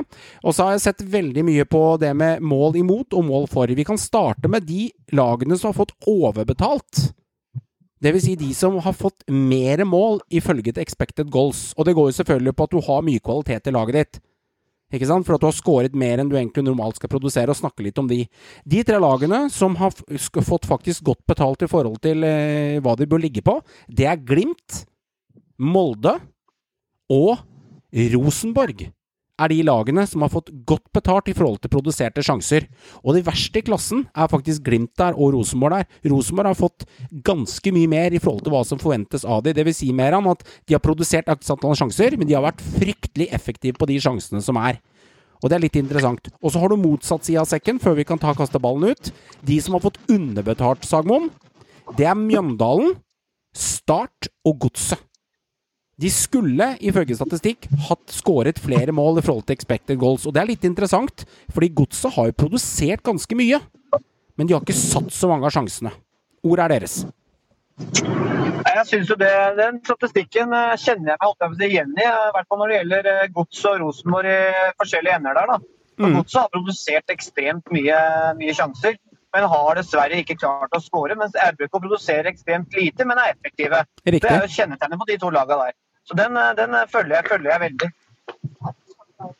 Altså, men eh, for min del så tenker jeg at det er jo ikke altså, det, der, det blir liksom bare, egentlig bare å Det blir gjerne når du tar sånne Jeg har sett en del sånne expected goals også fra, eh, fra andre altså fra andre ligaer og sånt. Det brukes mye i Premier League, blant annet. Det, ja, det, og det du gjerne får da, er at du får de lagene på topp uh, som er effektive. Uh, Mm. De skaper mye, mens da lag som jeg får lite ut av sjansene sine, er jo gjerne lag som sliter og lenger ned. Så det handler jo bare om effektivitet. eh, og Så jeg følte liksom- altså det, det sier jo litt seg selv, da, egentlig, den lista der, syns jeg. Eh, Selv om det kunne jo godt vært eh, andrelag i bånn. Men igjen, Ålesund skaper jo ingenting. Start skaper jo veldig litt. Altså, De skaper ikke mange sjanser heller. Ja, men den som er, det som er interessant med den statistikken her, det er at hvis du ser på RBK, da, som har fått overbetalt på antall sjanser Nå har jo Molde og Bodø-Glimt også fått overbetalt, men det går litt på kvaliteten i laga. Hvis du hører på de laga der, Glimt, Molde og RBK, så har de, er de sannsynligvis ganske mer effektive enn de andre laga, og så har Yes. Ergo fått overbetalt. Problemet med Rosenborg da, er jo hvis overbetaltheten til RBK uteblir mer an, ikke sant? Hvor er det da RBK henter inn tabellen som Håvard er opptatt av, at de gjør det så bra? Jo, Rosenborg er det laget som har vunnet flest hodedueller og flest taklinger på banen. Og det vil si, det gjenspeiler jo at de er jævlig gjerrige bakover. Så Rosenborg er jo flinke på å være gjerrige bakover og sørge for å tette igjen. Og når de da er så effektive framover, så vil de stjele med seg mye poeng. Men da er resonnementet mitt meste, hvis det følger meg Når Rosenborg slu slutter å slurve bakover, hvis de slutter å slurve, så vil de begynne å avgi poeng. Det er hele poenget med denne statistikken. Det vil ikke vare evig, eh, hvis du skjønner hva jeg mener. Du klarer ikke å holde begge statistikkene i sjakk, da. Det er litt av greia. Så man kan lese ganske mye ut av det. Altså, du kan jo, hvis du har bra nok lag. Ja, du kan jo det, da. Eh, Jeg skjønner hva du mener. Du kan jo på en måte tette igjen, være strålende på defensivt arbeid, og så kan du være strålende offensivt. Da vinner du jo ligaen. Jeg ser jo det. Men se for deg RBK ikke klarer å være mer effektiv. Da. Tenker litt med RBK-noiaen min nå, og så begynner de å slurve bakover. Da er det bare én vei, og det er nedover på tabellen. Ikke sant? Ja, ja. Du kan tenke deg, Eller så har du motsatt effekt. Stabæk-Meran, som er laget ditt, de har skåret ca. like mye mål som det er forventet i forhold til expected goals. Så de ligger sånn akkurat sånn de skal ligge. Så jeg vet ikke om dere ser mye på dette ellers, gutter, eller er det bare jeg som er sånn supergeek på det nå? Jeg bryr meg ikke så mye om sånne statistikker, jeg, altså, for å være helt ærlig. Det, jeg, jeg, jeg sjekker ikke det så mye, men eh, jeg vet at de er opptatt av det en del i Premier League, i hvert fall. Men eh, det har ikke jeg tenkt så mye på i norsk fotball. Ta Brann, Håvard. De ligger akkurat spot on. 1342 mot 1358. Så det vil si, de, de skal ha scora liksom akkurat det samme som er meldt, og sluppet inn det samme som er meldt. Så Brann ligger akkurat der de skal ligge, hvis du følger den statistikken der. Alle kan lese land, er du god nok, så skårer du mål. Ja da, det handler vel handler litt om det også. Så det er artig å ha med seg. Og hvis folk har lyst til å finne litt ut av det, dere lyttere der hjemme, så gå inn og søk opp Expected Goals for Eliteserien, så finner du litt mer av det. Og da, da kan du lese deg litt fram. Men husk på en ting, jeg har en advarsel til lytterne. Du kan bli litt gæren. Du kan miste litt nattesøvnen, for det står mye sånn fools and hodedueller og corners og eh, eh, goals against and goal for. Det står ganske mye der, og du kan lese ganske mye for, for mente. Så det er en skikkelig, skikkelig geeke- geekestatistikk. Mitt navn er Fredrik Pallesen Knutsen, og jeg spiller for FK Haugesund. Dette er Synseligaen, podkasten av fans, for fans. Nå har det vært bra trøkk eh, med mange kamper på kort tid. Ni runder er unnaspilt. Nå får vi en ukes hvile. Hvordan skal den uka være, Meran? Du, neste hjemmekampen din, eller neste bortekampen din, hvordan ser du fram til dette? Nei eh, Det blir kjedelig, da. Vente en uke nå på kamp, Ja, du først og kjenner, fremst. du kjenner det? Men jeg er glad for at spillerne får litt hvile nå. Fordi når, vi, når Stabæk er vilt, da er vi best, altså. Jeg skal ærlig innrømme, jeg har ikke hatt så travel dag, så jeg har ikke sjekka neste kamp og neste runde. Start borte. Start bort, start. Start borte. Klink B! Klink B! Vi har god statistikk der òg. Klink B. Det er, ikke, det er ikke snakk om noe annet. Nå er gutta vilt. Nå er gutta klare. Klink B. Amankwa, er han tilbake, eller hvordan blir det? Usikkert. Veldig usikkert. Men nå føler jeg at eh, Solheim og, og Hanke gjør det bra bak, altså. Så jeg Det skal gå bra. Uavhengig. Hva tenker du, Håvard? Klarer Start å lime igjen der og fortsette gode trenden som de gjorde mot Brann og Rosenborg, eller blir Botheim en håndfull eller to? Det vil overraske meg hvis eh, Start nok en gang parkerer bussen sin på hjemmebane mot Stabæk. Så jeg vil jo håpe at de prøver å levere litt mer åpent spill. Eh, Men jeg tror at Stabæk kan bli skumle mot Start der med den eh, ungdomsrekka, juniorrekka foran der med Normann Hansen og Edvardsen og Botheim. Får håpe Botheim får sjansen fra start. Det er spennende trio foran. Artig, artig trio. Jeg tror Stadbekk Stabæk fort kan vinne den kampen, selv om Start har vist, har vist eh, fremgang. da. Det skal sies. Joakim? Uh, uavgjort. Du tror uavgjort? Ja, jeg tror Start eh, drasser med seg en ny uavgjort. Nei, jeg tror uten tvil Stabæk vinner. Jeg tror Botheim eh, kommer til å eh, sette noen par kasser der. Herje. Kinoshita blir saftblander fra den eh, tiende runde og ut. Han må bli løpegutt borte på Nadderud der, og så vidt han får lov til å være med på bortekampene, for jeg har lite trua. Odd-Ålesund. Eh, Odd er jo litt sånn lag som enten vinner 1-0 eller 2-1, men Ålesund de må jo begynne å tette igjen. Altså Tetter ikke Ålesund igjen nå, så er det én vei ned, og det er rett ny Obos. Så nesten ikke begynne å vitse og bukke, begynne å booke flybilletter i norsk eliteserie engang til bortebaner. Kan nesten ta som blank sheet, Håvard, når du ikke møter opp på kampene i breddefotball, for at de blir jo flådd i ama kamp bortover, og jeg syns det er svakt det Ålesund disker opp med. Altså, ÅFK de er nødt til å begynne å vinne nå. Så enkelt er det. Dette toget går. De har tre poeng. Det er blodfattig. Nå må Lars begynne å trylle her. Nå må, nå må han gjøre noe med det laget sitt. Jeg er ganske sikker på at når overgangsvinduet kommer, så, så, kommer det noen nye spillere inn. Altså, Hva skjer med en Jordan March? Har ikke vært på banen og henta dem en skada spiller, eller hva som skjer der oppe? Hvordan er spillelogistikken hos Ålesund nå? Det er et stryk karakter hos Ålesund og Bohin. Det Lars må gjøre, er ikke å trylle, for han er ingen magiker. Det han må gjøre, er å våkne opp og endre på den naive Trebecks-linja si. fordi det er krise, den Trebecks-linja. Ja, Odd, Odd, vinner den kampen der, i mitt hode. Jeg tror Odd tar den eh, helt greit. Jeg kan ikke se at Ålesund evner å skape veldig mye på bortebane på Skagerrak. Det tror jeg ikke. Jeg tror også Odd vinner greit. Brann Kristiansund, det er jo lørdagskampen der på kvelden. Jeg tror Kristiansund kommer til å slå Brann i Bergen. Litt av årsaken til det er at Brann er litt sånn i vaklende form her. To seire på de siste syv kampene. Det myldres. Ballsparksida den renner over av folk som er haters. Jeg kommer ikke til å gå veldig mye i, dybden på akkurat det med LAN og Brann og hele den delen der. Men jeg tror at Kristiansund kommer fra en dårlig trend. Og når du kommer fra en dårlig trend, så er det ingen bedre steder Håvard, enn å møte opp på Brann stadion og nappe med seg tre poeng med en 1-2-seier.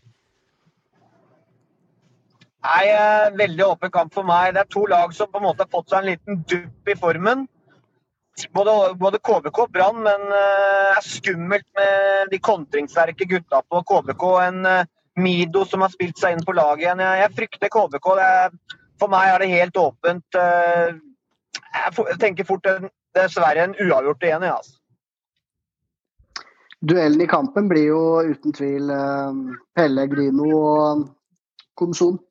Det blir jo kampen i kampen. Men jeg tror det fort kan ende med en uavgjort. Eventuelt knepe en seier til KBK. Men lukter en uavgjort her, faktisk. Men Brann er ofte hjelpeløses hjelpere, da. Mm. Så det kan fort ende med en seier til KBK. Det kan det, men det lukter uavgjort. Det gjør det.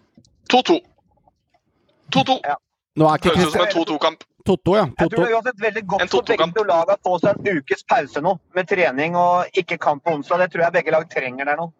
Men nå er, ikke, nå er ikke Kristiansund helt i hjelpeløse heller, da. Altså, De ligger jo ikke i bånn, så hjelpeløses hjelper er jo den som nesten er litt fortapt der ute. Det menes mer han. Så Kristiansund er et godt fotballag. Det må du huske på.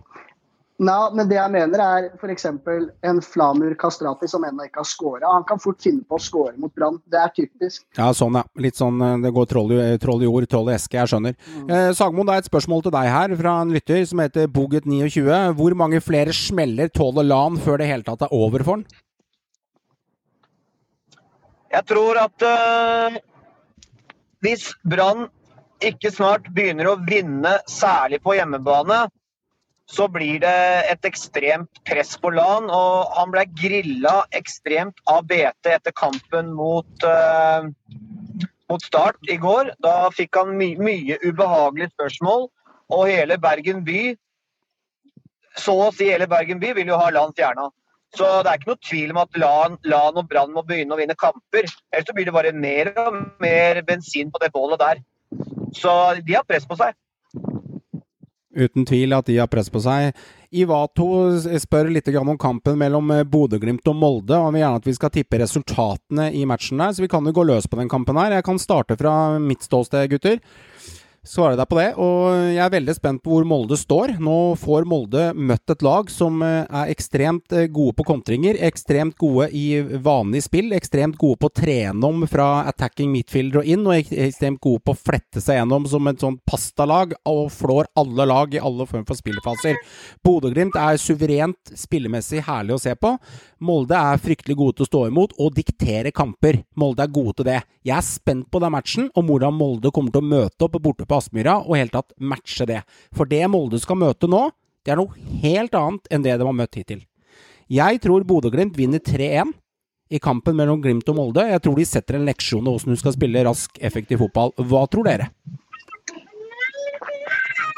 Jeg støtter det resonnementet der, Krog. Jeg tror det er en klink hjemmeseier Altså, klink er feil å si, for Molde er et strålende Jeg fotballag. sier klink. Okay. Jeg sier klink. Glimt kommer til å ofre alt de har for å sette Molde på plass og parkere dem med en gang. Jeg tror det blir klink hjemmeseier.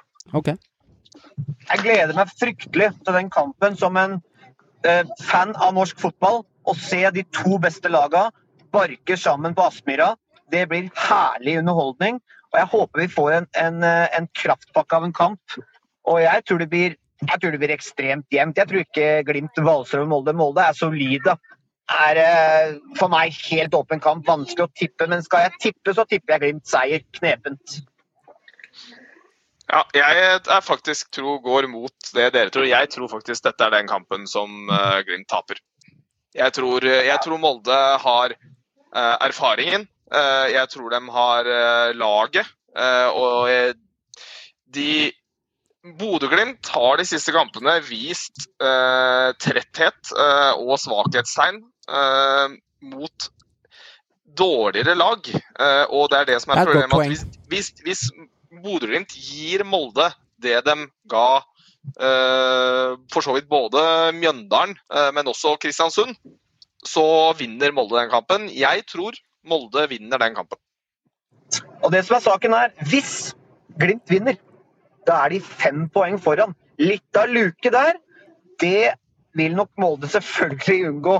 For da begynner vi å snakke en eh, liten luke på toppen. Begge laga sleit jo mot Mjøndalen, så vant med ett mål begge laga. Så, så nei, det blir 4-1 Glimt. Det tror jeg. 4-1. Jeg tror 3-1 til Glimt, men øh, Joakim er inne på et veldig godt resonnement. da. Bodø-Glimt har vist litt tretthet i noen matcher her. De dro inn Sarp der. De dro KBK på slutten med Lode sitt helt herlige skudd, og så dro de, eh, dro de den siste kampen som var nå mot, øh, mot Mjøndalen, da de akkurat klarte å berge det på, øh, på knivstålet. Så jeg må si en ting at jeg er veldig spent, og jeg er enig med Håvard. Dette her blir liksom det store oppgjøret. Og ja, Rosenborg er ikke inkludert i det oppgjøret. Det brister hjertet mitt litt, men det må jeg bare leve med. Så lykke til, Glimt. Lykke til, Molde. La oss underholde og se hvem av dere som er best akkurat nå. Så går vi til Sandefjord-Mjøndalen. Snakk om bikkjeslagsmål, da! Her, eh, det, det her blir jo litt antiklimaks! ja, antiklimaks. Det blir liksom, Hvem er det som bryr seg? Det blir 430 tittere på Dplay som skal se den matchen, og så blir det sånn 200 000 på Glimt-kampen. Det er ikke en kjeft som bryr seg. Men kan Sandefjord eh, klinke til med en trepoenger her, eller hva tenker du, Joakim? Nei, jeg tror Mjøndalen vinner. Borte?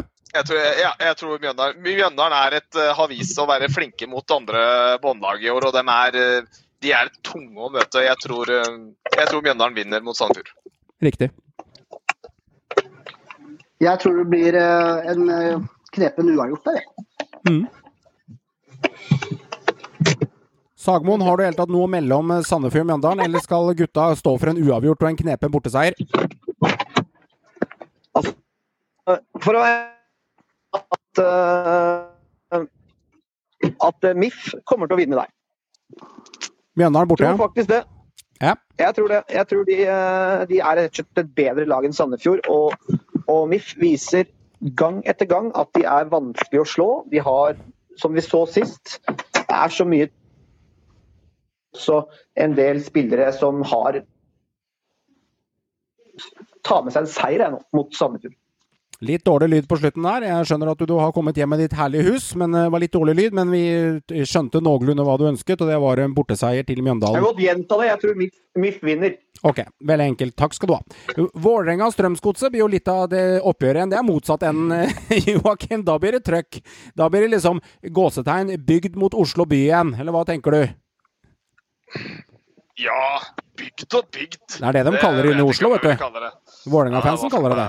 Bare, bare høye på seg sjøl. Det er Norges største by, da, så det er en grunn til det. Ja, det bør ikke være høy på seg av den grunn. Eh, men eh, nei, jeg Altså, Godset har et merkverdig ofte et sånn, de, Det pleier å være ganske jevne, gode kamper, men Godset har hatt en tendens til å kunne ta litt poeng fra Vålerenga. Mm. Eh, Og spesielt på bortebane. Vi har gjerne, jeg føler liksom at vi sliter mer mot Enga hjemme enn borte. Mm. Eh, jeg, jeg tror eh, Jeg tipper med hjertet. Jeg tror, eh, jeg tror Godset tar den. Jeg tror Mama putter minst ett mål i den kampen. Jeg tror Godset tar den kampen. Støtter meg på Joakim der. Det blir 2-1-seier til Godset. Jeg tror det blir en ganske kjedelig kamp. Jeg, jeg tror det blir 1-1. Eh, Vålerenga er ikke kapabel til å skåre to, og Godset de brenner alt som heter målsjanser. Og jeg tror ikke Vålerenga kommer til å slippe til så mange heller, så jeg tipper 1-1 og en litt kjedelig kamp eh, for Godset og Vålerenga der. Jeg tror fort eh, på uavgjort sjøl, faktisk. Jeg tror det blir tett og jevnt. og jeg tror det er eh, større sjanse for at Enga vinner enn Godset, faktisk. Det er midt i mitt hue, men eh, nei, jeg tror mest på uavgjort. Viking-Sarpsborg. Viking ligger jo litt ned i skitten. Sarpsborg har kommet seg litt ut av skitten, og denne gangen her så skal eh, sarpingene over til eh, Rogalandsområdet, og det er Viking som har hjemmebane. Vi kan starte hos deg, Håvard. Viking hadde jo en opptur sist nå, da. Mm. Mot eh, Haugesund. Vant eh, Derby der. Det moralen og Bjarne Berntsen prosjekt. og Kosovo-gutta på topp leverte varene. Jeg tror det er et bra trekk å kjøre Bytytsjki, Veton og Ibrahima i trio foran. Det tror jeg var et bra trekk eh, av Bjarne Berntsen, og de gutta gjorde det bra. Eh, jeg tror eh, litt på vikingseier, faktisk. Støtter meg på den, Håvard. Jeg føler det lukter en vikingseier, lukter litt opptur for dem nå. Jeg er enig i at trekket var veldig bra. Så støtter meg på den. Bitici har jo faktisk vært i litt ok form nå, og vist litt av det faktisk eh, folk har snakket litt om han i flere år. Han har egentlig aldri fått noe utblomstring, føler jeg, men han har jo et par skåringer på, på rappen nå. Han hadde en nydelig skåring fra to-tre runder siden, og så hadde han en frekk liten fiker ned i venstre hjørne da han dro av en mann her nå nylig. Så han er i god form. Jeg går motsatt vei, gutter. Jeg tror ikke Viking kommer til å trekke, igjen, eh, eh, trekke seg gjennom dette Sarpsborg-laget, for jeg tror Sarpsborg er litt seige defensivt. Jeg tror det blir en 1-2 eller 0-1-seier til Sarp. Jeg tror Sarp vinner borte i Stavanger, faktisk. Det tror jeg også. Jeg tror Sarpsborg vinner. Jeg tror, jeg, jeg, altså Viking er sterke når de har engasjement og giv og kontringer, men jeg tror ikke de får de kontringene, Joakim, mot Sar- Sarpsborg. For jeg tror Sarpsborg er så Nei. seige defensivt. Det er, jeg, jeg føler at Sarpsborg og Viking har en del av de samme styrkene. Mm. Uh, men jeg tror rett og slett Sarpsborg er et bedre lag enn det Viking er. Så jeg tror at Sarpsborg kommer til å la demmer opp for Viking, og de kommer til å være mer effektive og skåre selv. Så Det er en veldig åpen kamp, da. Så Ja, ja. Vi, vi, ja. det er umulig å si, da. Altså, vi, hadde vi sittet og truffet på alle sammen, så kunne vi lagt ned hele poden og putta huslånet vårt på Norsk Tipping, og det gjør vi jo ikke. Så det er, vi, sitter, vi sitter jo bare og synser. Så hvis det sitter en lytter der ute og følger tipsa våre til eh, punkt og prikke, ja gud bedre, ikke gjør det, ja. For dette her er jo Vi kunne like godt vært en skilpadde som meldte dette her. Så det er liksom Vi sitter jo bare og koser oss med fotball som alle andre, men det er hyggelig at folk mener og melder, og det liker vi, så det er åpent. Siste matchen. Haugesund har ikke sett ut. Ligger fjerde sist på tabellen. Har skåra seks mål, Håvard. Og de møter et lag som har tettere igjen i huet og ræva, Rosenborg, som har sluppet inn sju. Og Rosenborg er gjerrig bakover. Har Haugesund muligheten her? Jeg skjønner at de har muligheten. Eller har Rosenborg kanskje aldri vært en større bortefavoritt i den kampen her, med tanke på at Rosenborg ofte sliter borte i Haugesund? Men denne gangen her så skårer ikke Haugesund mål. Så hva tenker vi her? Jeg synes, for det første så høres det ut som en ufattelig kjedelig kamp. For det er to lag som spiller vanvittig kjedelig fotball for tida. Så det, det er en kamp jeg i hvert fall ikke kommer til å se. Eh, for å være helt ærlig, hvis ikke det er 2030-kampen. Men eh, nei Det er det. Det er det. Det er Det 2030-kampen. er 2030-kampen. Ja. Ja, da får vi se hva vi, hva vi foretar oss. Nei da, men fra spøk til alvor. Jeg tror det blir eh, Jeg tipper 2-1 til RBK. Ja. De krangler med seg en eh, ny seier eh, så vidt der. Men det var ikke spøk. Så da, du sa fra spøk til Halvor, Håvard. Det, det er ikke spøk det du mener med at det høres ut som en vanvittig kjedelig fotballkamp, for det, det mener du. Nei. Det mener jeg oppriktig, og det er to lag som er grå og triste om dagen. Og det er lite sprudlende over de lagene, altså. Mm. blir nok en knepen eh, 0-1-seier til RBK. Blir vel Doff igjen, tenker jeg. Når er Waji tilbake? Det er spørsmålet. Er ikke han tilbake til den kampen her? Han er tilbake Er til den tidlig, kampen. Nei, han er tilbake. Er han er tilbake. Han kan begynne å spille. Hadde det vært kamp i dag, så kunne han spilt. Da endrer jeg mitt resonnement til 1-1 og Waji-skåring i debuten. I Rederbyen. 1-1 blir det. Plutselig ble Jeg- kampen litt mer interessant hvis Marci kan starte. ja, ja. Joakim? Altså, hadde, du, hadde du spurt meg for tre runder siden, før Rosenborg møtte Start og Sandefjord, så hadde jeg sagt at det var en klar, uh, klar seier til Rosenborg. Men uh, etter å ha sett hva den klarte å diske opp de siste kampene her, så er jeg ikke helt sikker. Jeg, jeg, selv om Waji kommer tilbake igjen, så er jeg enig med Håvard. Jeg tror det blir dønn kjedelig. Jeg tror det blir en skikkelig drittkamp. Eh, jeg, jeg tror Rosenborg tar det. Jeg tror de klarer å banke inn den 2-1-skåringa si på midt i andre omgang, og så bare safer dem inn den eh, trepoengeren. Men eh, jeg er nærmest ikke sikker. Jeg lener meg ofte på statistikk i ting, og jeg har sett all statistikk at Rosenborg får altfor godt betalt i forhold til målsjanser de produserer. Rosenborg er ikke friskmeldt på seks dager. Ja, det kan hende Siljan skal spille over, og det kan hende Waji kommer tilbake, så gjør en kampen litt mer interessant. Rosenborg taper 2-1. Nå kommer tapet til RBK. De har ikke tapt på seks runder. Det kommer nå. Det er klassisk i den siste kampen. Jeg tror Rosenborg taper den kampen 2-1. Yes, jeg melder det som RBK-supporter også, men jeg må være litt realistisk her. Normalt ville de vært favoritter der, for Haugesund ser ikke så bra ut, de heller. Men uh, her kommer det tapet vi kanskje ikke håpa på, og jeg tror Rosenborg avgir poeng i den matchen der, uh, dessverre. Så det blir RBK-tap i den kampen. Det er kjipt å melde. Jeg har hørt deg melde det, tror jeg, at RBK taper. Ja, han, prøver seg, han prøver seg omvendt nå, fordi Nei, men, han, han, melder at det vinner, Ja, og så han. Nei, men- poeng. Så nå går han for omvendt, og satser Han på at han slår Nei, men gutter, gutter, de siste seks kampene så har Rosenborg vunnet seks av de, fire av de siste seks matchene. Så det er jo ikke, det er ikke noe grunn til å melde tap på dem.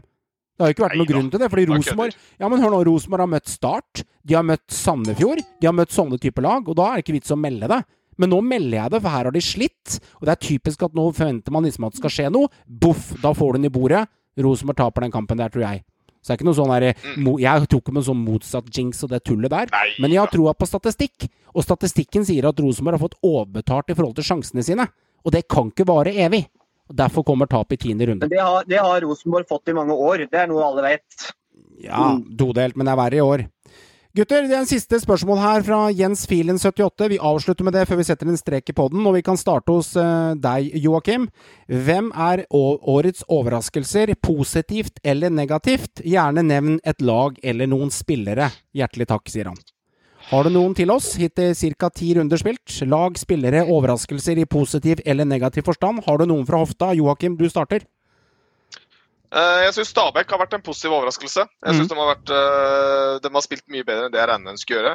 Riktig. Eh, Nega negativ overraskelse i forhold til et lag, så må jeg rett og slett bare si jeg er Ålesund.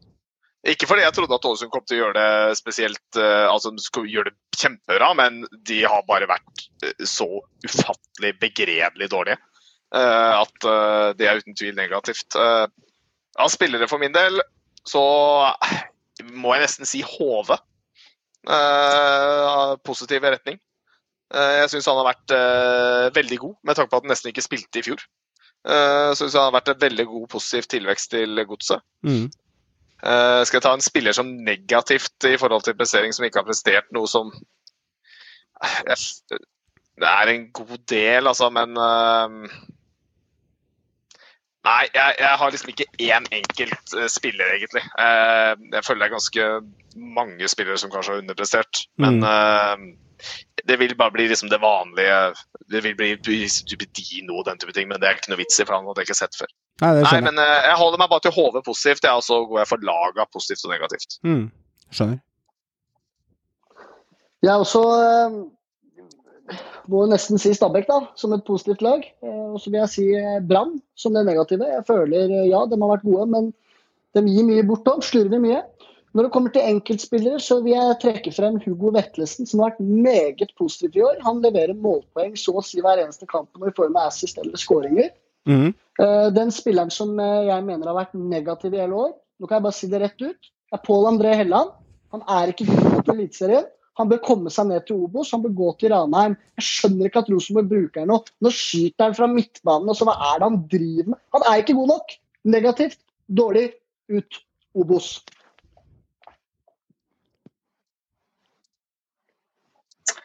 Ja, eh, jeg skal nevne årets overraskelseslag. Så vil jeg faktisk eh, Dette her er ikke noe hemmelighet, men eh, at eh, Glimt nok en gang tryller som de gjør. Vi må tenke på hva de mista fra i fjor. Dette her er ikke noe hemmelighet, men jeg må bare hylle det laget. Den fotballen de spiller. Vi har knapt sett maken til fotball i norsk, i norsk eliteserie før. Da må vi tilbake til Rosenborg på glansdagen, og jeg tror fader meg nesten Og Stabæk 08. altså Glimt, Glimt spiller fantastisk fotball. Vi må hylle hva de får til i nord. Det er ekstremt imponerende. Altså, hallo! Det er champagnefotball. De er spiller så med samme elver hele tiden. Så jeg må bare få hylla Bodø-Glimt. Det har vi gjort i seks runder, så det tror jeg alle er enig i. Alle, Ja. alle. Ja. Mm. Men nå meldte jeg det, det er viktig å få fram eh, hvor, hvor gode de er. Når det gjelder skuffelse, så er jeg helt enig. Jeg slenger meg på ÅFK. Jeg, det, er, eh, det er flaut og pinlig hva de får til. Jeg trenger ikke å si så mye mer enn det. Det, det er et lag som feide gjennom Obos, og de ser bare helt naken ut i Eliteserien. Okay. Så vil jeg trekke fram Pellegrino i KBK, som viser hvor god han er, og fortsetter i den stimen han er i. Eh, og så må vi jo, eh, Han er jo en synsligavenn også, så vi må passe på å hylle Pelle. og håper at han kan fortsette Enig. å holde det oppe. Jeg vil også dra, dra fram Gilbert Komson, som jeg faktisk personlig nesten hadde gitt opp. Men i år har han virkelig levert varene. Og det er moro for Gilbert og for Brann. Ja. Da vil jeg ta fram, eh, kan starte med negativ først. Jeg vil ta fram hvor begredelig RBK har sett ut i ni fotballrunder, men helt uh, fantastiske med dem. Og hvordan de klarer å dra med seg resultatet ut fra hvor uh, ræva de ser ut, for å si det rett ut. De spiller uh, 25 minutter av 90 minutter i ok, levelig god fotball. Resten så kunne jeg så godt satt opp George Clooney med Up in the Air og sittet og sett på popkorn og film med kjerringa, for det de leverer er begredelig, og det er ikke RBK-verdig stolthet å sitte og se på. Det har gått 30% av norsk eliteserie. Vi kan ikke begynne Rosenborg å spille fotball når vi begynner å nærme oss 1. august på kalenderen. Det er flaut, og når det er sagt, så legger jeg den død. Da går jeg over til heder og glede. Det jeg syns er veldig fint å se, er unge midtstoppere i norsk eliteserie. Jeg ser Daland, jeg ser Kolskogen, jeg ser unge midtstoppere som ikke er Flustaff i tidligere i år, som tar faktisk steppa opp og tar mulighetene når de får det. Det er gledelig å se, og det digger jeg. Og så må jeg si en liten ting som imponerer meg, og det er det Mjøndalen holder på med. Det har vært snakket hele tiden om det med at Mjøndalen sliter med spillere, har en spiss, svak sentrallinje, sliter i forsvar. Jeg syns Vegard Hansen står bra opp nå, jeg syns de viser styrke. Mange snakket om at Gauseth var den viktigste enkeltspilleren og kapteinen, inkludert oss, før sesongstart. Gutten står jo med kanskje en og halv kamp i Eliteserien i 2020, og Mjøndalen har klart å rigge unna det. Og det Vegard Hansen har klart å få til, han sa i poden vår for en måned siden, folkens, jeg er bekymret over laget vårt når ikke Gauseth spiller. Men Gauseth har ikke spilt så mye i 2020, og han har faktisk klart å få opp en god sentrallinje. som Mjøndalen har kommet for å bli, og jeg tror de brune kommer til å klare dette her med bravur. Så det er mine ros og hyllester. Så syns jeg det var en fin måte å si det på.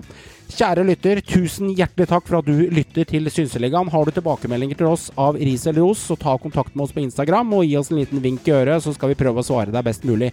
Vi setter pris på ris, og vi setter også pris på ros på noe vi kan bli bedre på var noen der ute som spurte av lytterne våre om eh, oppdatering på lyttertall. Vi har dem ikke i antall klikk og enheter i downloads, men jeg kan si at forrige episode med Tom Nordli ble lastet ned 33% er det siste tallet i forhold til en normal episode. Så lyttertallene til Sysseligaen, de går oppover. Jeg håper du der ute er med oss videre. Anbefal oss til en venn eller en kollega alene i garderoben. Vi snakkes. Ha en glimrende uke. Men det er jo ikke sånn at bohemen etter Vålerenga på 60-tallet At vi kan spille med de 2000 i 2020. Det, det er toppidrett i dag. Fucking joke, de der jævla måla vi slipper inn. Det er, det er piss. Vi har vært bunnsolide i, i hele oppkjøringa. Nå har vi sluppet inn ja, fire-fem pissemål. Det er jævla kjedelig å trene, så det er mye bedre å bare ligge og sole seg og så spille kamper. Så det her er perfekt. I wanted to wish you happy birthday, but it was already go, go away.